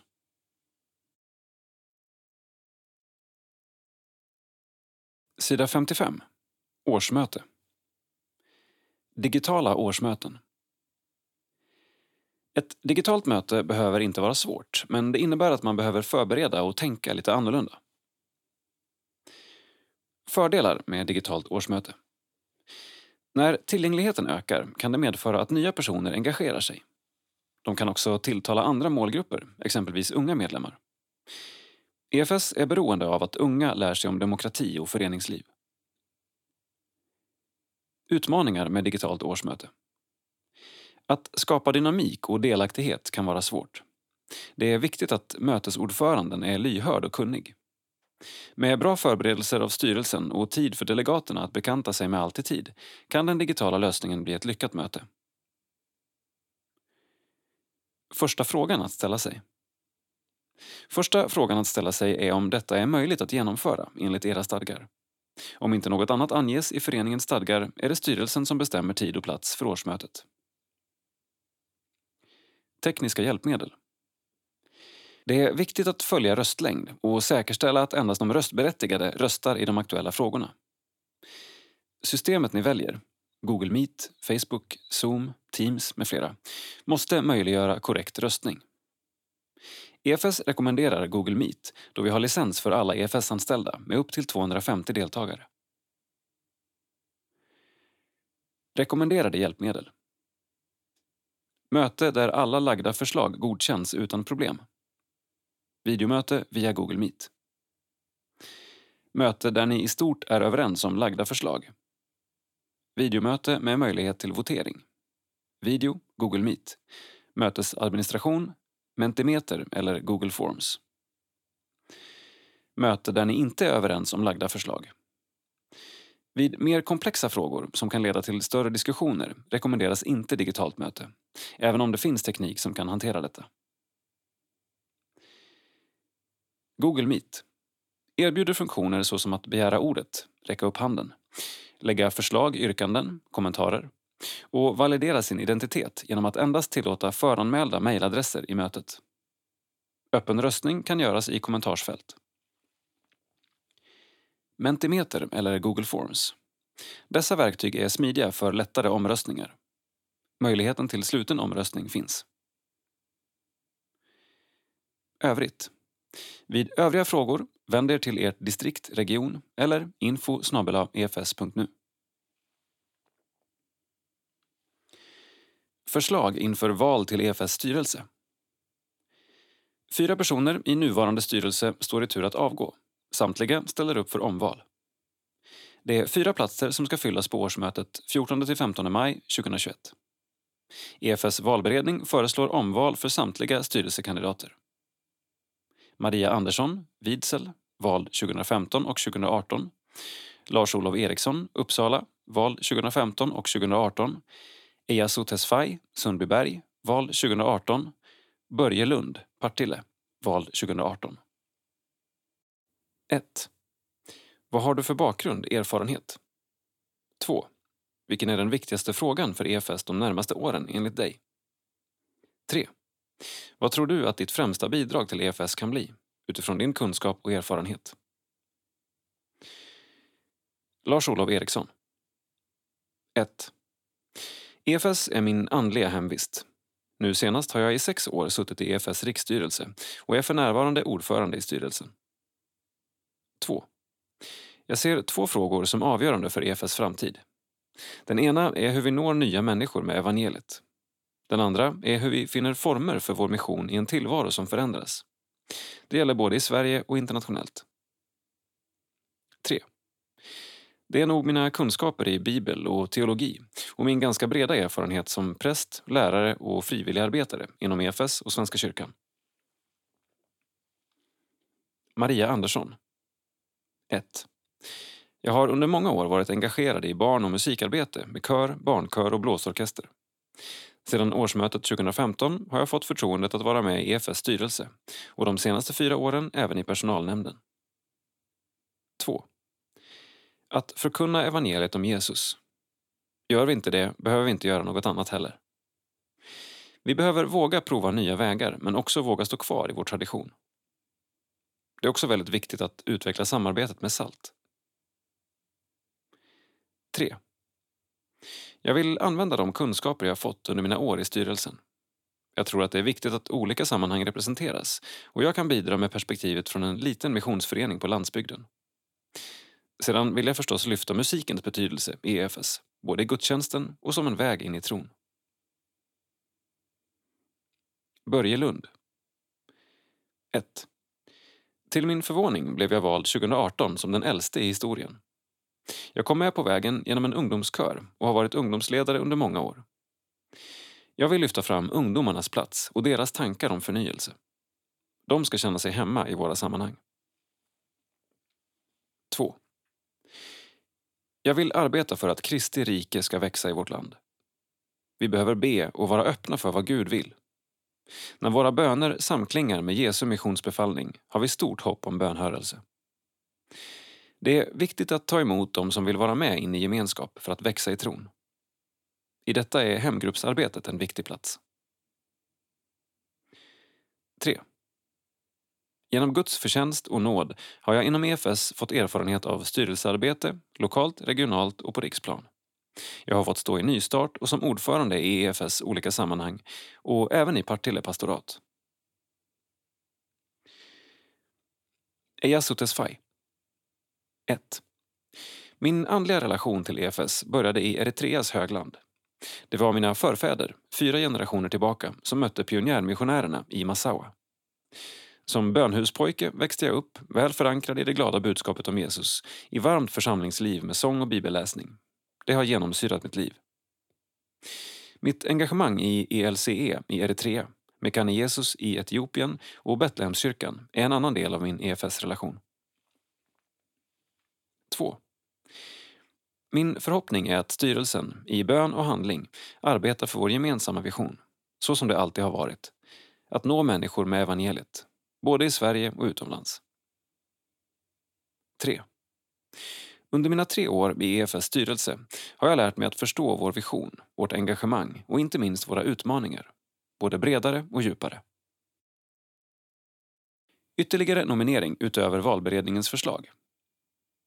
Nomineringar utöver valberedningens förslag måste ske senast måndagen den 3 maj via föreslagen årsmötessekreterare Rebecca Kada. Rebecca.kada efs.nu 018 430 25 31. Förslag välkomnas redan nu. Observera att kriterier för vem som är valbar till EFS styrelse finns bland informationen på efs.nu arsmote under årsmöteshandlingarna. Presentation av styrelsekandidater kommer att finnas tillsammans med övriga årsmöteshandlingar på efs.nu arsmote arsmoteshandlingar. Anmäl ombud till EFS årsmöte. Årsmötet 2021 kommer likt föregående år utföras textbaserat via verktyget Votit. Ombudsregistrering kommer att utföras via länk som skickas till respektive ordförande. Detta innebär att varje ombud behöver ha en personlig e-postadress för att registreras i Votit. Mer information kommer via utskick till ordföranden via brev och e-post. Ombudshandlingar finns tillgängliga för nedladdning eller utskrift på efs.nu arsmote arsmoteshandlingar från och med 23 april. De som vill få ombudshandlingar hemskickade per post i mitten av maj kan ringa 018-430 25 00, uppge namn och adress eller skicka namn och adress via e-post till margareta.forsberg efs.nu.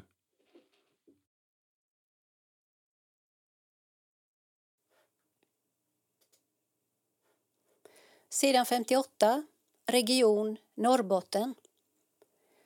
EFS Blåsmark, en plats för alla. Eldsjälen Tore Häggbom brinner för öppna och ärliga samtal. Text Monica Arndt, bild privat. Tore Häggbom är född och uppvuxen i den lilla byn Blåsmark strax utanför Piteå. Här i den natursköna byn växte han, som så många andra, upp på föräldrarnas jordbruk. Det var en trygg kristen miljö att växa upp i och den barnatro som grundlades där har funnits med honom hela livet. Han fostrades tidigt in i föreningslivet, först genom ungdomsverksamhet som JG och FGPG och sedan genom aktivt föreningsengagemang. Konfirmationen på Storstrand beskriver han som ett viktigt ställningstagande trots att han medger att man så här i efterhand kan undra hur mycket han egentligen visste där och då om tron och livet i stort. Tore beskriver sig själv som en föreningsmänniska som tycker om när det händer saker och ser möjligheter i stort och smått. För ungefär 20 år sedan brände han ut sig på grund av den klassiska honungsfällan. Allt var så roligt. Det var kul att engagera sig överallt och han såg mycket som behövde göras. Till slut var engagemanget mycket större än orken. Det tog honom fyra år att komma tillbaka men han säger att även om tillvaron rasade omkring honom så låg den kristna tron kvar som en botten i livet. Den bar honom även när han inte kunde kontrollera omständigheterna omkring. Efter det här har Tore fått ompröva sitt engagemang.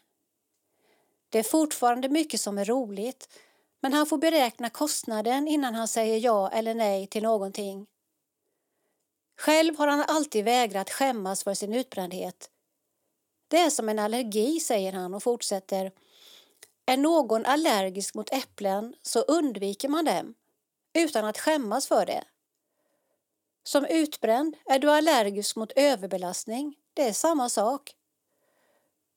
Samtidigt får man inte gå runt med för stora säkerhetsmarginaler för då krymper livet mer och mer, betonar han. Efter denna period blev det väldigt viktigt för Tore att se hela människan.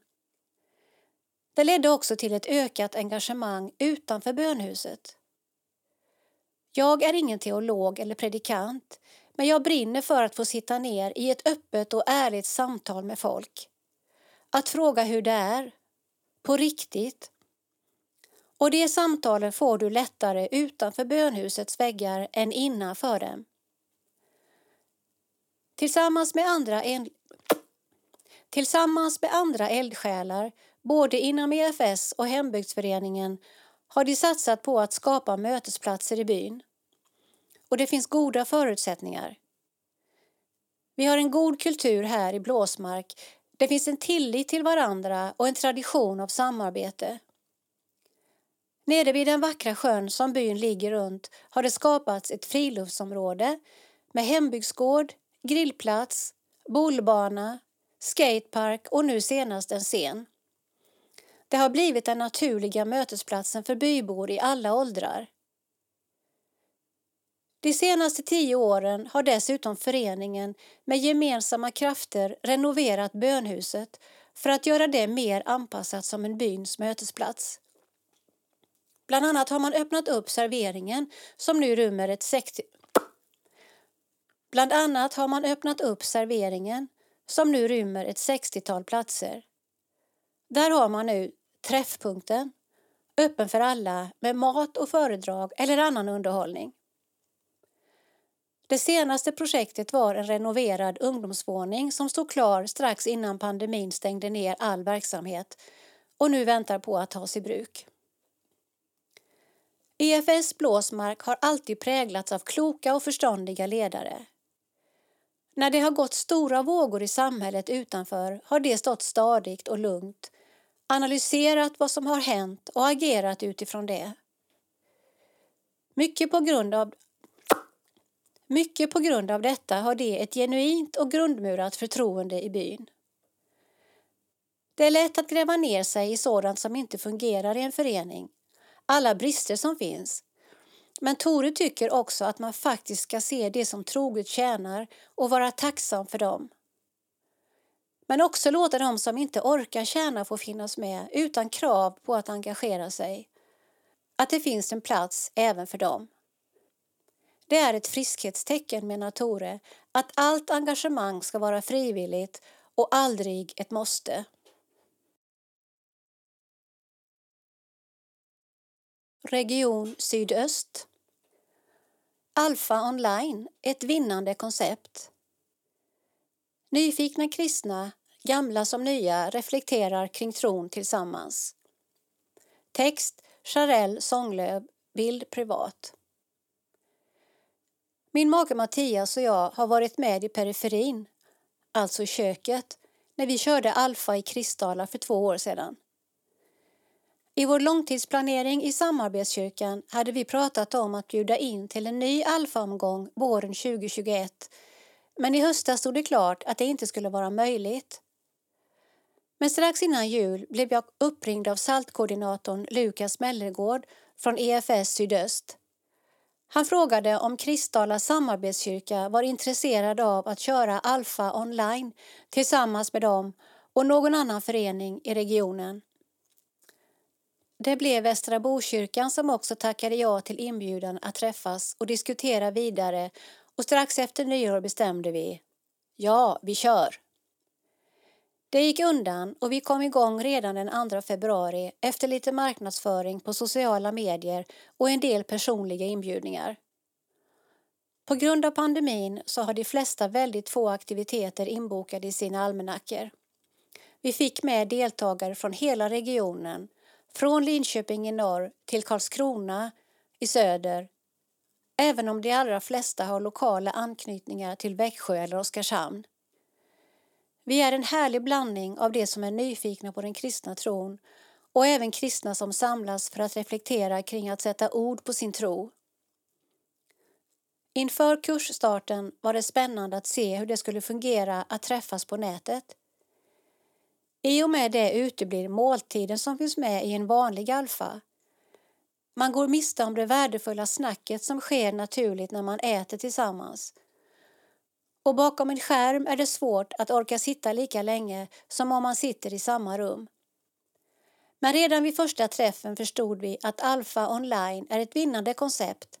Men redan vid första träffen förstod vi att Alfa online är ett vinnande koncept särskilt i denna tid och säkert även i framtiden. En deltagare erkände att hon har velat gå alfa tidigare men att först äta tillsammans och sedan ha föredrag och samtal skulle vara mer än hon orkade med så den här mer kompakta kursen passade henne perfekt.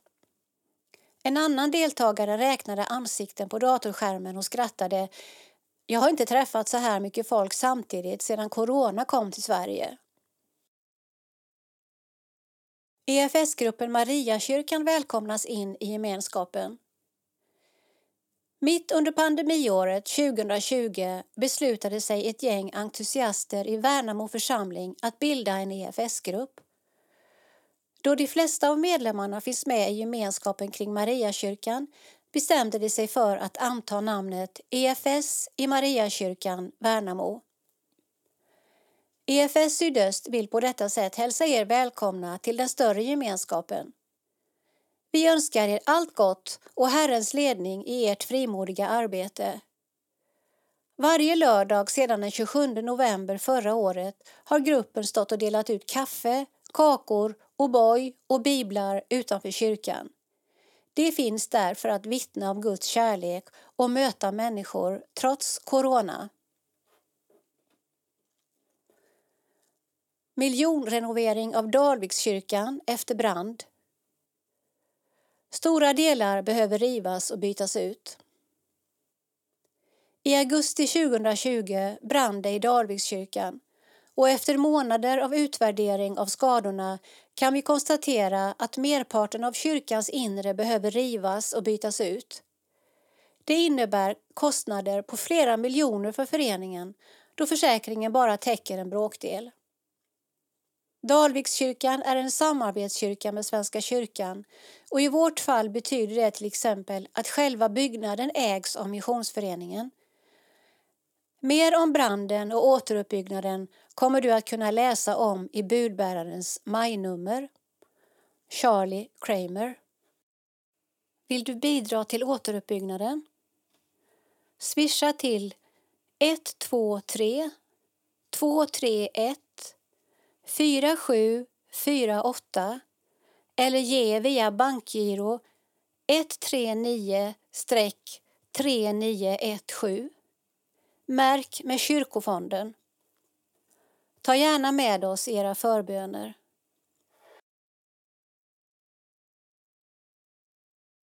Sida 62. Insändare. Thomas Nygrens teologiartikel i budbäraren nummer 1112 väckte reaktioner. Här kommer ännu en insändare med svar direkt från Thomas. Felaktig bild av anabaptismen. Thomas Nygren menar att de moderna kyrkorna är drabbade av en gud inutiism.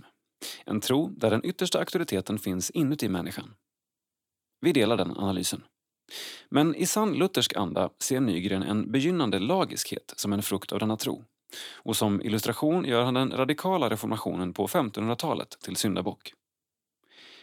Katoliker brukar ofta anklaga protestanter i allmänhet för samma sak. Mönstret tycks vara att peka åt sidan. Det var inte vi, utan de. Frågan är dock om Nygren gör den radikala reformationen rättvisa. Vårt svar är både ja och nej. Ja, det fanns rörelser på 1500-talet som kan beskrivas som gudinutism. Men de delar av den anabaptistiska rörelsen som levt vidare var precis tvärtom. Att Nygren placerar Münsterupprorets ledare i samma kategori som Menno Simons blir därför ytterst märkligt. Det är svårt att se vad de hade gemensamt mer än kritiken mot barndopet. Att han dessutom menar att anabaptismen är ett bra exempel på rörelser som hamnat i snart sagt vilka läror och slutsatser som helst och i samma sammanhang nämner gnosticism och händelserna i Knutby blir närmast historielöst. Faktum är att de mest centrala personerna inom anabaptismen, inklusive Menno Simons, betonade precis det som Nygren efterlyser som medicin mot gudinutiismen. Nämligen Bibeln som det enda rättesnöret för tro och liv. Deras teologi utgick dock inte från tankefiguren lag evangelium utan från skillnaden mellan en människa som är i Kristus och en människa som inte är det. Förväntningarna på en människas efterföljelse uppstod därför som en följd av frälsningen, inte som en förutsättning för den. Och efterföljelsen blir möjlig genom bibelordet, anden och den troende gemenskapens omsorg och ansvar. Notera att allt detta alltså uppfattades som något som kommer in i den troende utifrån. Lutherska teologer har allt sedan reformationen gett en felaktig bild av den anabaptistiska rörelsen. Vi beklagar att Nygren fortsätter den traditionen och rekommenderar både honom och den som vill veta mer att läsa vår bok. Jonas Melin, Fredrik Venell och David Davag. Redaktörer till antologin Aldrig mer tillbaka gå. Utmaningar från anabaptismen. Reformationens frikyrkorörelse. Svar direkt. Det är en förmån att den artikel där jag nämnde ett par typer av anabaptism som exempel på gudinutiism inte bara blivit läst utan också granskad och korrigerad. Jag kan bara notera att de artiklar, och som för övrigt inte var författade av lutherska teologer, jag använde som källor för min egen artikel på ett alltför onyanserat sätt buntade ihop alla delar av reformationstidens vitt förgrenade anabaptism. Dessvärre gjorde jag ingen tillräcklig egen faktakoll på den punkten, vilket jag beklagar.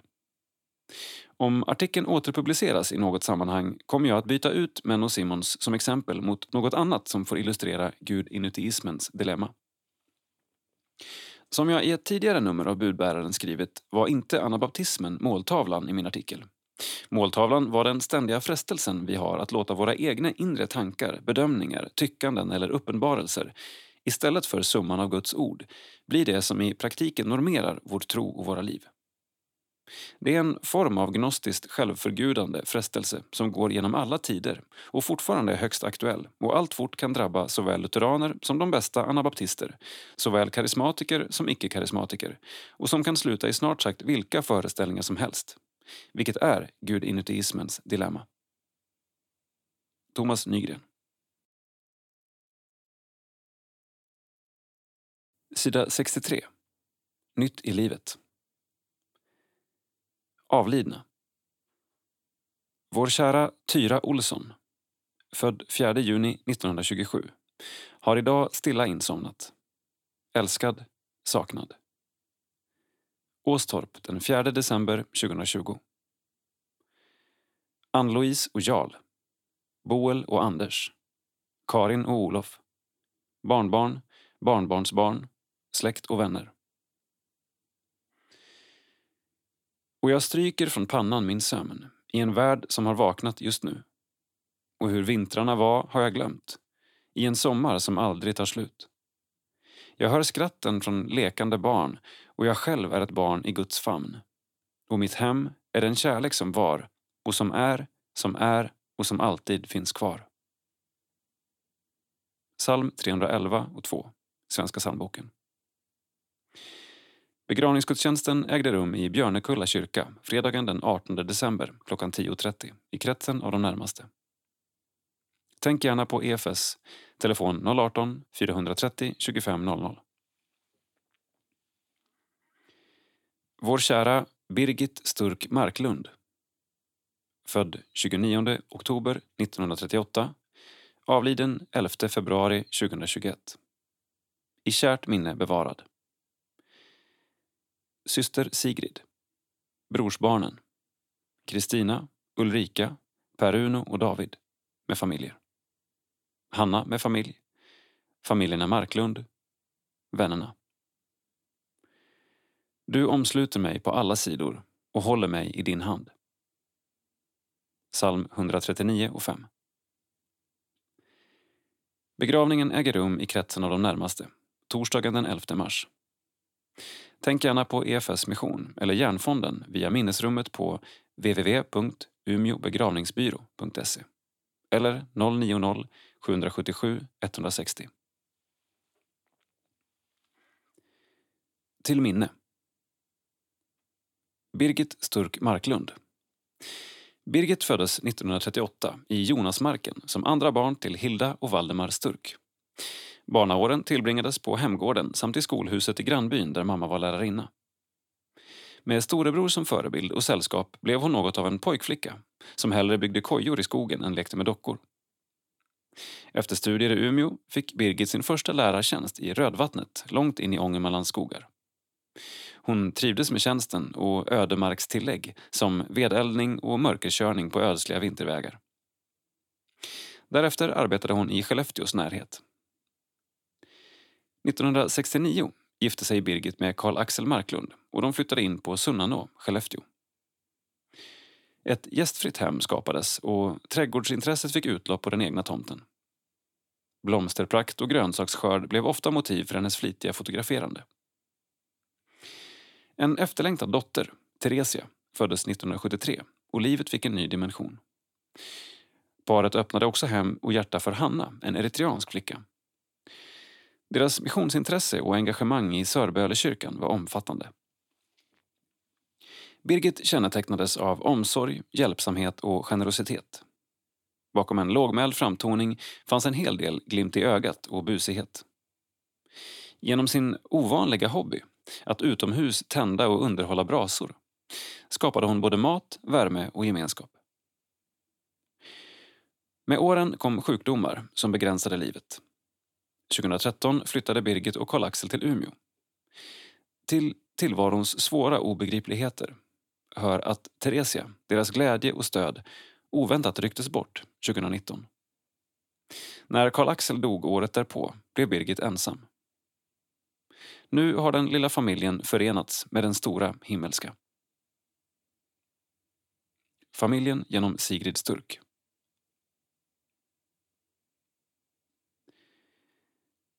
Jubilar. Gunborg Marklund fyller 90 år den 2 mars. Gratulationer från barn med familjer. Födelsedagen firas senare på grund av coronaläget. Vid eventuella presenter, tänk på EFS utlandsmission. I nästa nummer. Den uppskattade prästen Valentin Bergqvist, som tjänade EFS i över 50 år, har fått hembud. I nästa nummer av Budbäraren kommer en dödsannons, minnesruna och en tidigare predikan från Valle att publiceras.